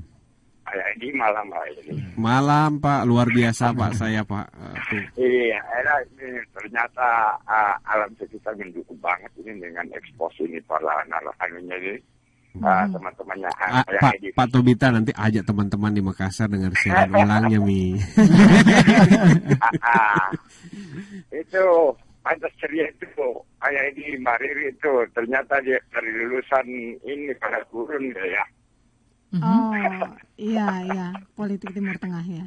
ah itu sudah ditempa rupanya pantas ceria banget kalau akan acara nggak ada yang tegang-tegang enak banget Oke. Ya, terima kasih, Bapak. ah, ah, Itu saja, Pak. kayak Edi Ya. Iya, ya, kayak Edi iya Pak. kemarin kan saya punya cucu pertama Iya, Oh cucu ah, pertama. menerapkan ilmunya kayak Edi iya, Jadi Keila namanya baru dua tahun. iya. Aku sudah pesan semua anggota keluarga Mm-mm, jangan jangan takut sama dia. mm-mm. Ah, ah, jadi kalau manjat-manjat, aku dari cara pegangnya. Mhm. Mm-mm. Pokoknya nggak boleh takut lah. Oh, Bapak rupanya pendengar setia acara kita juga ini ya. Sudah lama. Kayak Edi. Iya. Cuman iya. pengen aku punya anak kecil nggak bisa lagi kan? iya, nunggu cucu, Baik. nunggu cucu nih. Iya, nunggu cucu ya. Baik Pak Ah, Tobita. dapat nih dari Ya. Surabaya ke Makassar sini Baik, dapat nih. Hmm. Nah itu. Ya. Jadi seakan-akan memang anak kecil itu cuma mengatakan kepada kita keluarga, Mm-mm. kamu diam aja, ngasih contoh biar aku yang cerewet katanya begitu. Oh, oke, Nah baik. itu bahasanya itu. Baik Pak Tobita. Itu aja. Terima, Terima Ya, kasih waktunya, sharingnya juga luar Ya, biasa. malam-malam. Ya, Ya, selamat terima malam. kasih, Pak. Salam buat keluarga. Kita ke penelpon berikutnya. Baik. Terima kasih sudah sabar menunggu ya. Selamat malam, Smart FM. Halo, selamat malam. Selamat malam dari siapa di mana Bapak? Boleh kecilkan sedikit Ya, volumenya. Assalamualaikum. Waalaikumsalam dari Pak Ya, siapa? saya dengan Lili, Bu. Di mana Selamat Pak? malam. Ah, di, di Serpong. Oh di Serpong. Silakan Pak. Ya, ya ini salam kenal buat saya Edi. Oh iya, Iya. salam kenal Saya pemerhati ah, apa ini talk show-nya saya Edi. Ya. Sekaligus Alhamdulillah. ya bedah bukunya Mbak Nancy Mhm. Yang kebetulan saya juga sering dapat hadiahnya nih. Oh begitu. Ya iya ya Ya, Pak. cuman kalau salam kenal juga buat Mbak Riri yang saya juga baru beberapa kali mungkin cuma jarang Ya. dengar ya. Iya, Ya. Bapak, salam kenal. Iya, ini saya pertama saya mengucapkan terima kasih. Semoga Smart FM tambah berjaya. Amin, Amin. amin, amin. Ya, karena ini uh, sebagai inspirator baik pembicaranya, narasumbernya, sampai ini kalau saya boleh cerita, boleh nggak ya ya? Ya. Ini sedikit ya. Jadi uh, apa yang dikatakan tadi ini saya dari perjalanan sejak dari daerah luar kota sampai Jakarta ini terdengar nih ternyata nih. Hmm. Uh, ini uh, dulu saya itu sebagai pekerja, Ya. terus uh, saya membuka usaha itu ragu-ragu, Mhm. uh, tidak ada support yang kuat, walaupun kita secara secara totali sudah ingin gitu ya. Iya. Tapi ternyata inspirator-inspirator seperti Tung Desem, Andri Wongso dan Mhm. ya itu termasuk uh, Dokter Bayu dan itu membuat saya lebih lebih yakin bahwa ini kayaknya di sini uh, memang kalau saya nggak mencoba bahaya juga nih gitu. Hmm. Uh, paling tidak kalau saya mencoba dan gagal jangan sampai bunuh diri kan begitu. Iya. Akhirnya saya sepakat saya coba. Kalaupun Iya. saya nganggur mungkin saya masih bisa jadi tukang ojek pikir saya gitu Ya. dengan ya mungkin dengan modal hanya sebagai kartu nama itu pak Mhm. akhirnya saya buka usaha buka perusahaan alhamdulillah saat ini saya bisa mencapai omset 26 miliar Wow. ya dalam usaha Kompak. saya ya kebetulan saya dalam waktu lima tahun enam tahun ini Mhm. Jadi benar-benar eh, inspiratornya yaitu eh, Smart FM Oh, aduh, terima kasih ya, Pak. biasa, Pak. Sangat ya ya. saya Alhamdulillah. Ja- jangan lupa bikin sekolah loh Pak. Insya Allah, insya Allah. Dananya udah banyak bisa ini ya, ya, bisa Ya, berbagi lagi ya. bisa menunaikan ibadah haji dan lain-lain. Cuman yang paling yang paling ingin saya tanyakan jadi lupa nih. Saking Saking saking ya, Pak. happy-nya ya, Eh, saking iya. asiknya. ya, jadi memang benar tadi kata ya ini bahwa memang datang dari keluarga. Hmm. Kebetulan dari keluarga dukungan itu membebaskan saya untuk ambil tindakan. Cuman yang hampir saya jadi ada sedikit masukan atau ini pertanyaan buat saya. Hmm. Saya akhirnya dulu begini, ini jurusan yang saya ambil bidang kuliah ini adalah jurusan yang saya benci. iya, jurusan yang saya benci. Iya, terima kasih Pak atas kejujurannya. Ya, terus tadi berkaitan dengan doa, eh, istilahnya intinya intinya ibadah adalah doa, Iya. kan begitu ya. Iya betul. Ketika saya berdoa, sampai maaf aja waktu itu Edi, saya eh, sampai bingung nyari jurusan, Mhm. semua orang saya tanya. Oh, Oke. Nah, tapi setiap kali yang saya tanya, itu selalu kasih jurusan yang saya benci, bingung saya kan. Akhirnya saya kebetulan ada orang buta, maksudnya rabun gitu ya rabun, Hmm. mau nelpon, Hmm. kemudian dia nggak nggak bisa Mhm. eh, apa namanya nomornya saya saya tanya bapak mau nelfon ke mana saya mau nelfon anak saya yang rumahnya Pondok Indah wah bapaknya modelnya kayak begini kok rumahnya Pondok Indah pikir saya gitu ya Hmm. anak saya baru selesai sarjana hukum wah kebetulan pak sini saya pencetin dulu deh gitu kan Hmm. setelah saya pencetin ternyata dia saya tanya juga kamu kalau mau nanya saya lihat nggak jam saya kata dia begitu kan Hmm. ternyata dia jamnya di di Nagra wah ini kantor kepresidenan nih kebetulan saya bilang Hmm. Pak ke depannya itu bidang apa yang cocok buat eh, kita ambil kata dia mesin Hmm. Terus selain Oke. mesin apa lagi pak mesin selain mesin pak mesin waduh terus Mesin akhirnya- apa gitu ya? ya mesin ya kalau elektro bagaimana pak Ya mesin dan elektro. Waduh, saya bilang mesin dan elektro itu kan dua-duanya saya nggak saya sukai gitu. saya dengan terpaksa saya bicara sama orang tua saya, Bu, arsitek saya tidak ambil, jadi saya ngambil elektro dan komputer saya tinggalin karena bikin mata saya rusak nih. Sampai sekarang jadi saya kacamata gara-gara itu. Baik. Akhirnya Pak, Hmm. sekarang ini jadi artinya jadi kebiasaan saya dan saya bisnisnya bidangnya itu. Hmm. Nah, sekarang saya dengan dengan latar belakang yang ya artinya udahlah saya ikut aturan uh, alam, Mhm. saya harus ambil itu, Ya. saya doa, berdoa. Sekarang jadi lebih sukses ya. Pak? Akhirnya, alhamdulillah dengan supportnya Smart FM, Ya. saya ikut terbantu. Ya. Baik. Nah, Wah. Terima kasih Pak Lilis. Ya. Oh, masih ada. Itu gimana mengenai yang saya percaya bahwa uh, bisnis adalah suatu kebiasaan. Oke. apakah ini bagian dari support atau bagian dari eh, apa namanya kita bilang jalan menuju sesuatu yang lebih Baik, Pak. pasti gitu karena saya tahunya jadi Baik, Pak Lili. saya gitu Baik, Ya. Pak Lili. Ya. Terima kasih, Oh, Pak, sharingnya. Luar biasa sekali. Nanti kita akan coba diskusikan eh, tentunya selepas beberapa pesan berikut. Begitu juga dengan tadi Pak Tobita ya, sharing beliau bahwa eh, banyak inspirasi yang bisa didapatkan dari beberapa program yang didengarkan dan terutama tadi dari Indonesian Strong From Home. Tetap bersama kami. Terima kasih untuk beberapa penanya tadi yang sudah bergabung di line telepon. Ada uh, Robi, ada Bu Iva, ada Bu Emi, dan ada Pak Tupita juga ada Pak Lili ya. Wah ceritanya luar biasa ya ya. Kayaknya kurang gitu kalau cuma dikasih kesempatan beberapa menit begitu. Tapi kalau kita boleh uh, belajar dari pengalaman Pak Tobita yang uh, mendapatkan banyak inspirasi dan juga dari Pak Lili. Ini apa sih ayah yang bisa kita gali dan juga kita pelajari dari beliau berdua dari sisi yang lebih uh, positif ya? Yang pertama Pak Dobita bercerita tentang cucu, berarti beliau sudah uh, di kelasnya mungkin di atas saya, gitu secara hmm. senioritas. Hmm. Nah, satu hal yang kita bisa pelajari atau kita bisa ambil hikmahnya dari beliau, belajar itu tanpa batas. Jadi berapapun usianya kita masih bisa terus belajar. Terus yang kedua, kita bisa belajar dari siapa pun. Pak Tobita tidak melihat mungkin saya lebih muda dari dia dan sebagainya dan sebagainya. Orang yang punya pemikiran terbuka ini orang yang cepat maju gitu karena biasanya bottleneck dari kesuksesan itu adalah pemikiran kita sendiri. Yep. Pada saat Riri bilang ini ya ini bener nggak sih ini dia valid dia valid nggak sih ngomong gitu dulu dia siapa sih ini gitu. Ya kalau udah mulai itu yang muncul maka lama tuh nanti suksesnya gitu. Tapi begitu pulang terus applied Nah, biasanya cepat hitungannya.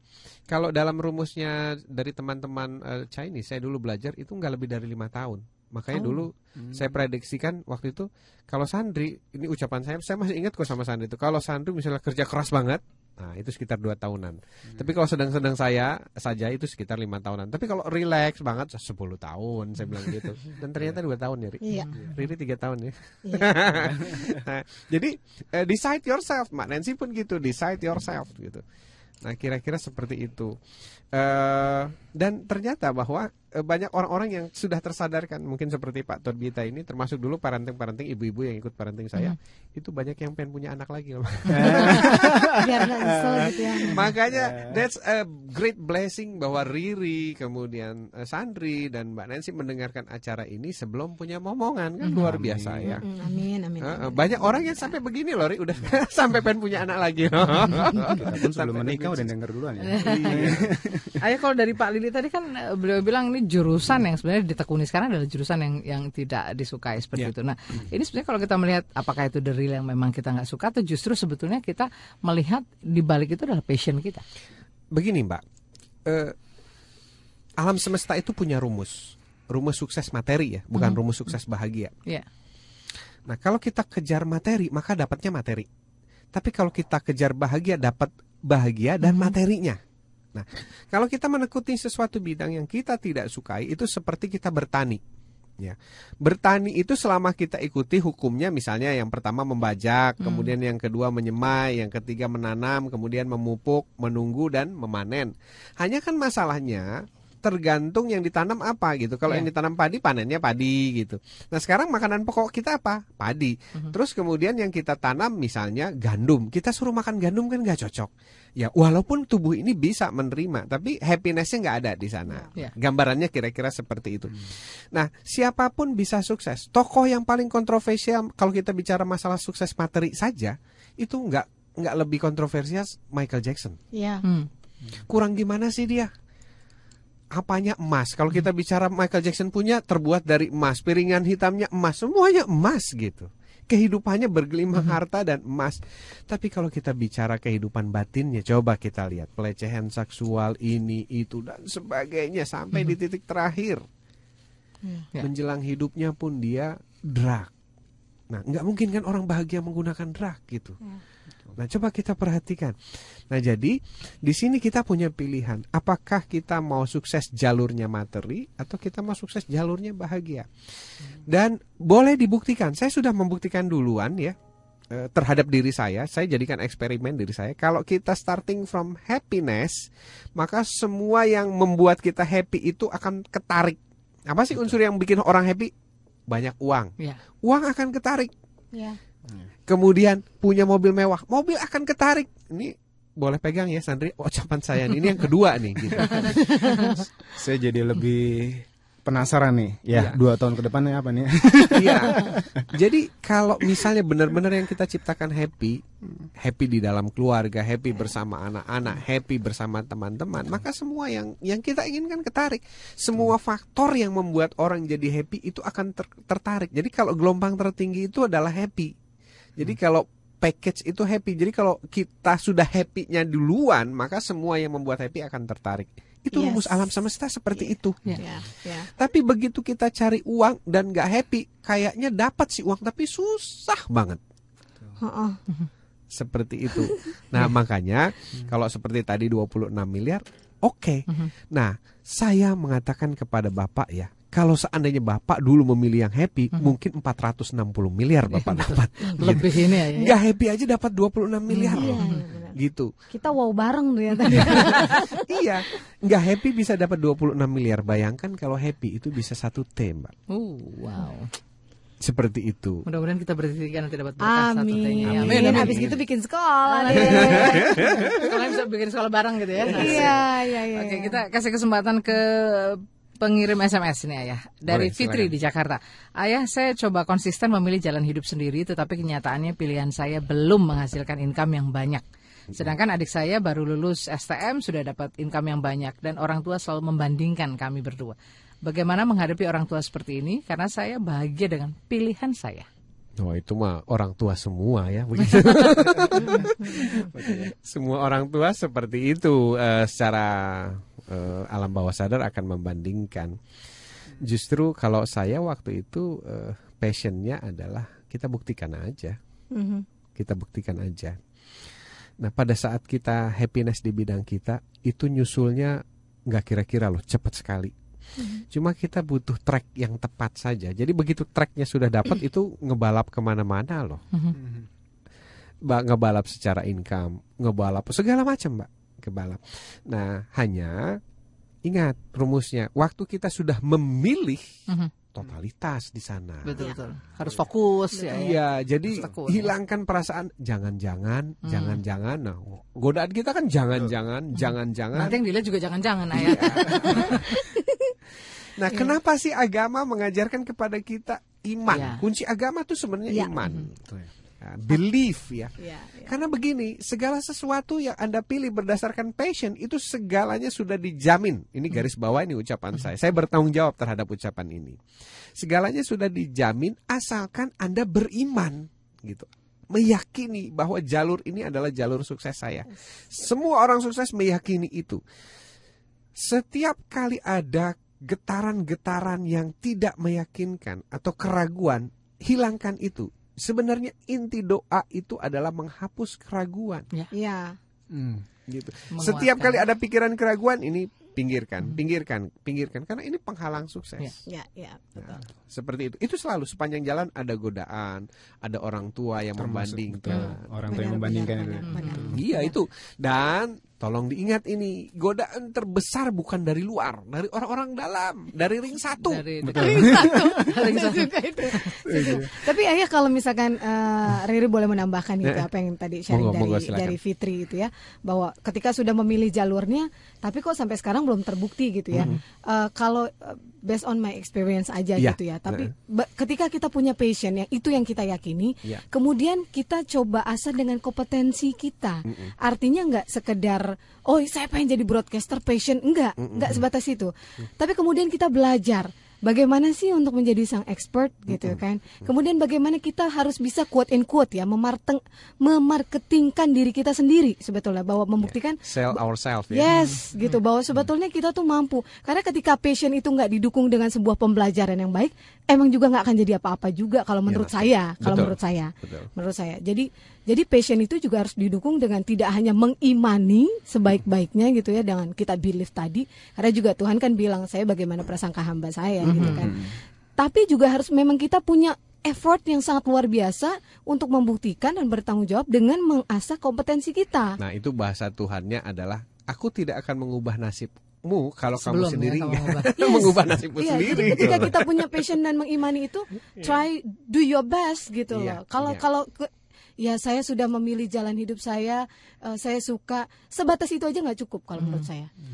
Plus, waktu saya belajar sama orang-orang sukses sebelumnya, selalu saja ada waktu yang namanya menunggu. Ya, ya, Proses ya, betul. ya bertahan dalam proses. Iya, menunggu. Jadi menunggu, waiting itu selalu ada. Betul. Jadi nggak mungkin padi itu begitu ditanam kemudian tumbuh langsung dipanen. Nah, Ya, mungkin ya. Salah satunya itu yang sekarang lagi mungkin ya gangguan untuk kita tuh sekarang itu ya apa budaya instan. Ah, Nah, itu, itu mungkin dia. racunnya itu ya. Yang kita tuh pertama yang- memang dari kecil sudah dikasih minum Betul. susu instan. Kemudian begitu kuliah saya ingat betul. mahasiswa Indonesia itu sangat gemar sekali sama mie, Mie instan. anak kos tuh ya. Pokoknya sebenarnya Fitri udah berada di jalur yang benar loh. iya, Tinggal tinggal, memang asah aja diasah harus tekun tadi ya ya dan juga harus mau berproses karena sebetulnya yang indah itu di prosesnya. Betul. Kalau nanti itu eh, apa namanya hasilnya yang kita dapatkan itu luar biasa itu aksesoris yang diberikan Ya, Tuhan ya. untuk kita atas proses-proses yang sudah kita lalui. bonus.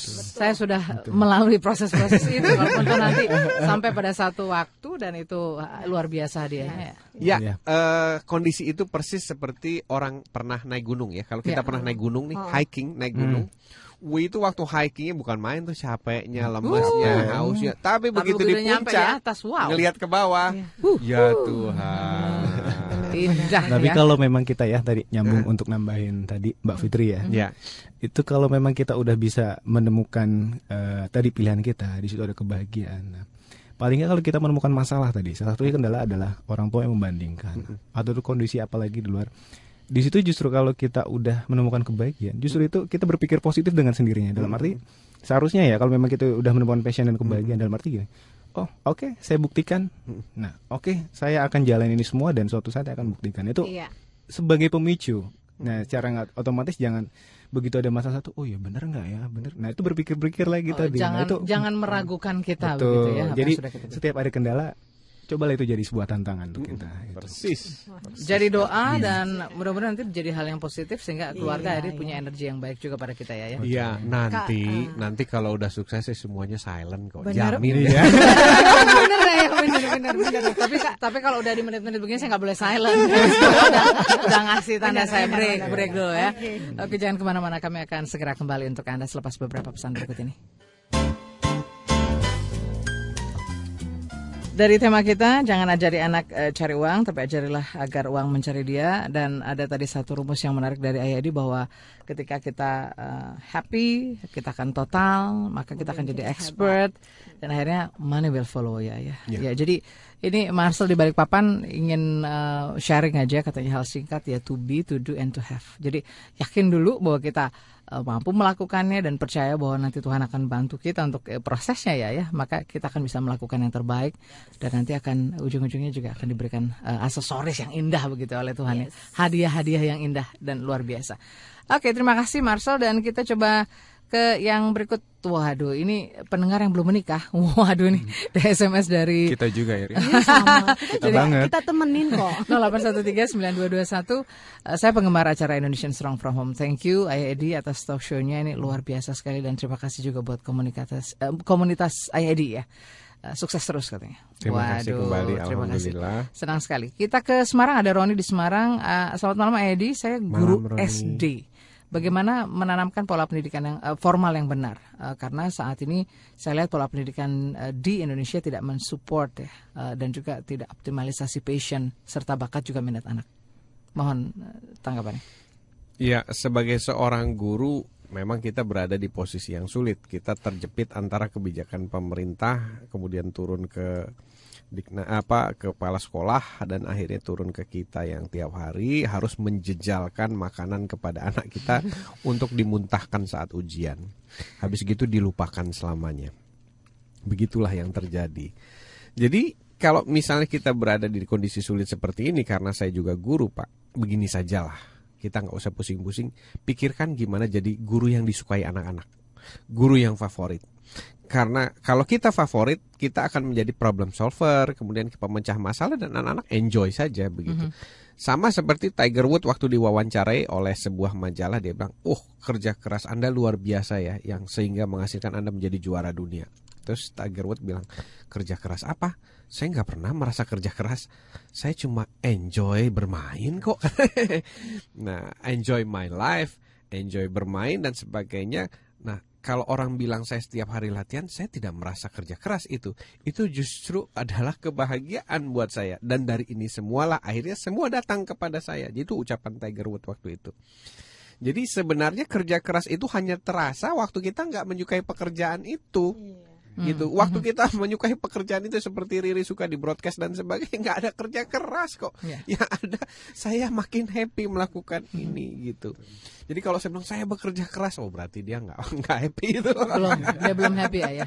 Ya ada bekerja nikmat ya. Ya, bekerja Bekerja nikmat. nikmat, Nah itu ya. dia. Betul Bukan keras sekali. tapi cerdas. kerja cerdas, kerja nikmat. Nikmat. Yes. Gitu. Kita lanjut lagi ke SMS berikut. Ini dari 0856 5235 dan seterusnya. Anak saya pandai ayah. Seorang lelaki dan sekarang sudah di SMU. Tapi saya kurang mampu. Nah ke mana saya harus mengarahkan dia? Oh ya ke beasiswa. Hmm. Jawabannya singkat ya. Dan sekarang banyak kok pemberi beasiswa. Ah, coba-coba tolong cerita Mbak Riri. Penerima beasiswa ya. Penerima beasiswa. Oh, penerima beasiswa atau pemberi beasiswa? Dua-duanya, dua-duanya. Karena eh, eh, bukan suatu yang kebetulan juga. Kalau se- saya bicara dengan Bu Nancy harus hati-hati redaksional. Ini sertifikat juga nih soalnya.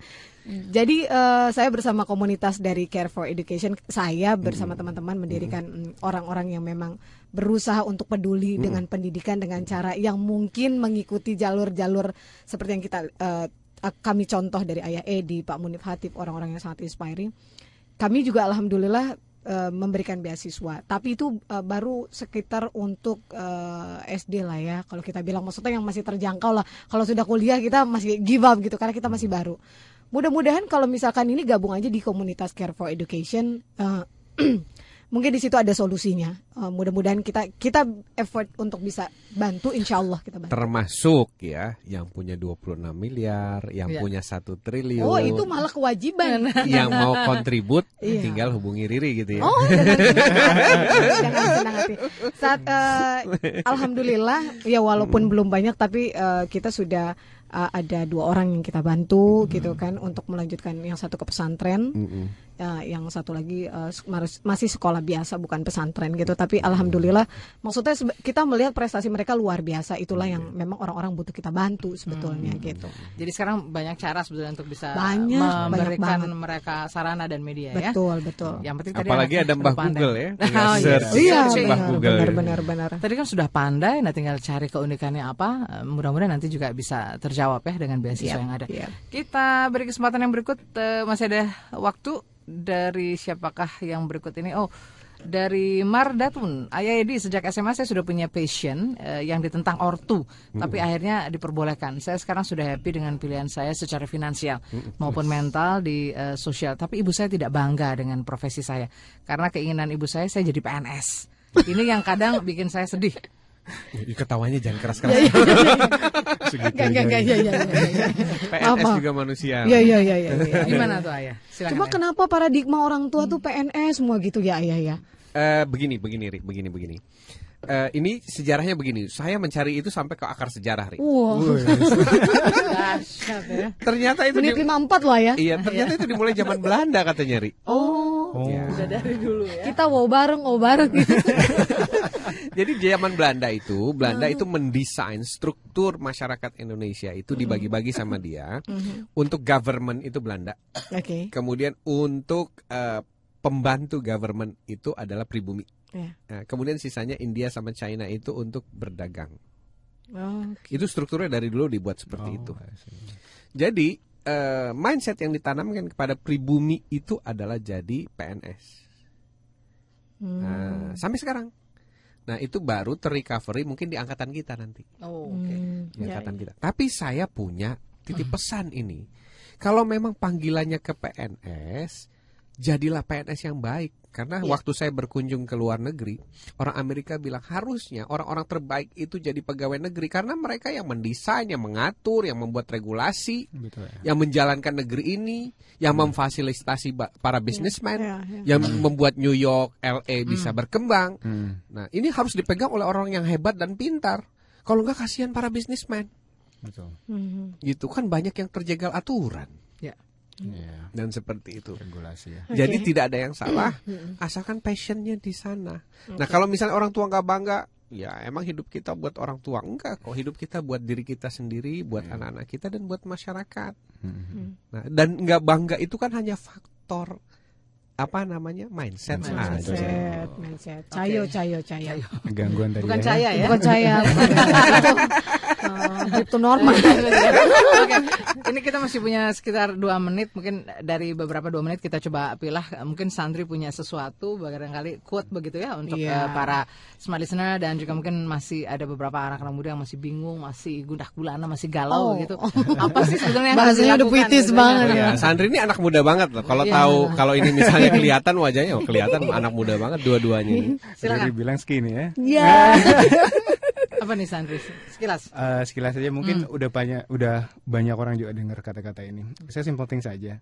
Eh, do what you like, you like what you do. Nah, itu. Indikatornya itu aja. Itu aja Iya, ya. itu aja. Dari Riri?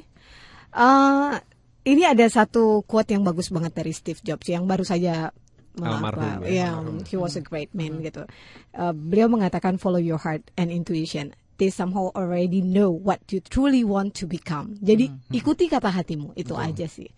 Dan I did. Oke. Dari ayah? Ya, Steve Jobs itu sangat spiritual walaupun dia Ya. orang-orang yang bisnis ya. Mhm. Jadi dalam spiritual juga dikatakan seperti itu. Uh, your passion itu adalah your deal with God. Jadi cita-cita kita, mimpi kita, dream kita, passion kita di pekerjaan apa atau di bidang profesi tertentu itu adalah deal. Itu janji kita sama Tuhan. Makanya penuhi. Siapa pun yang menentangnya. Ya. Nah nanti mereka akan lihat bahwa inilah sebenarnya panggilan jiwaku. Termasuk saya menjadi seorang pendidik. Siapa sih yang mau gitu dulu? Siapa sih yang bilang pendidik itu bakal begini-begini? Tapi eh, who care gitu? Ya. Who cares? Ya, Who cares berlaku saya? lagi do what you like, like what you do. Betul. Nah, kemudian berlaku lagi Follow your heart. follow your heart. Dan Oh, saya itu dikombinasikan ya, bagus ya. Yes. Iya, semua itu saya lakukan dan apa yang terjadi? Saya happy, keluarga happy, apalagi anak-anak saya. Kelihatan kok dari raut wajahnya. Alhamdulillah. Copas kita ini, tapi pasti. yang pasti kita harus bertanggung jawab dengan apa yang kita pikirkan Amin. supaya itu Ya. juga menjadi hal-hal yang luar biasa ya. Amin. Yang Apa pasti yang kita juga- yakini kita percaya ya. Ya. Tambah bermanfaat lagi untuk orang lain itu lebih ada nilai lebih ya itu ya. Yang pasti menurut hidup di dunia ini harus ekologis ya ya. Bermanfaat buat diri sendiri jadi manfaat buat orang lain. Orang lain. berkahnya juga jadi eh, banyak. Baik, Ayah terima kasih. Terima Riri. kasih kembali. Terima kasih juga Bu kasih. terima kasih Ayah kasih, Edi Nancy. sudah bersedia mengundang kita. Terima kasih buat semua listener di mana pun anda berada. Eh, mudah-mudahan banyak manfaat yang bisa dipetik. Mas Bowo juga Insya terima Allah, kasih amin. sudah mendampingi kita dua jam dan Ayah Hedi juga tetap luar biasa supaya kita bisa ketemu lagi di Selasa Amin. depan dan Amin. kita berbagi hal-hal yang menginspirasi Indonesia dan bahkan juga memotivasi Indonesia. Dan buku yang luar biasa dari Ayah, buku ketujuh Ayah tentang Ayah Edi menjawab akan kita persembahkan untuk Ibu Emmy ya di Pekanbaru. Mudah-mudahan bukunya bermanfaat. Nanti kami akan hubungi kembali untuk pengambilan Ya, hadiahnya ya. Tidak perlu menitikan air mata Yes. lagi, Bu Emi. Aha, betul. Mulailah dari Ibu dulu. Ibu Ya. dulu bergabunglah bersama kita supaya kita tidak merasa sendiri. Baik, kita mesti pamit dulu nih ayah. Ah, Saya oke. Nancy Moko Ginta. Saya Ayah Edi. Ada Riri, ada Sandri. Let's, Let's make Indonesia strong from home.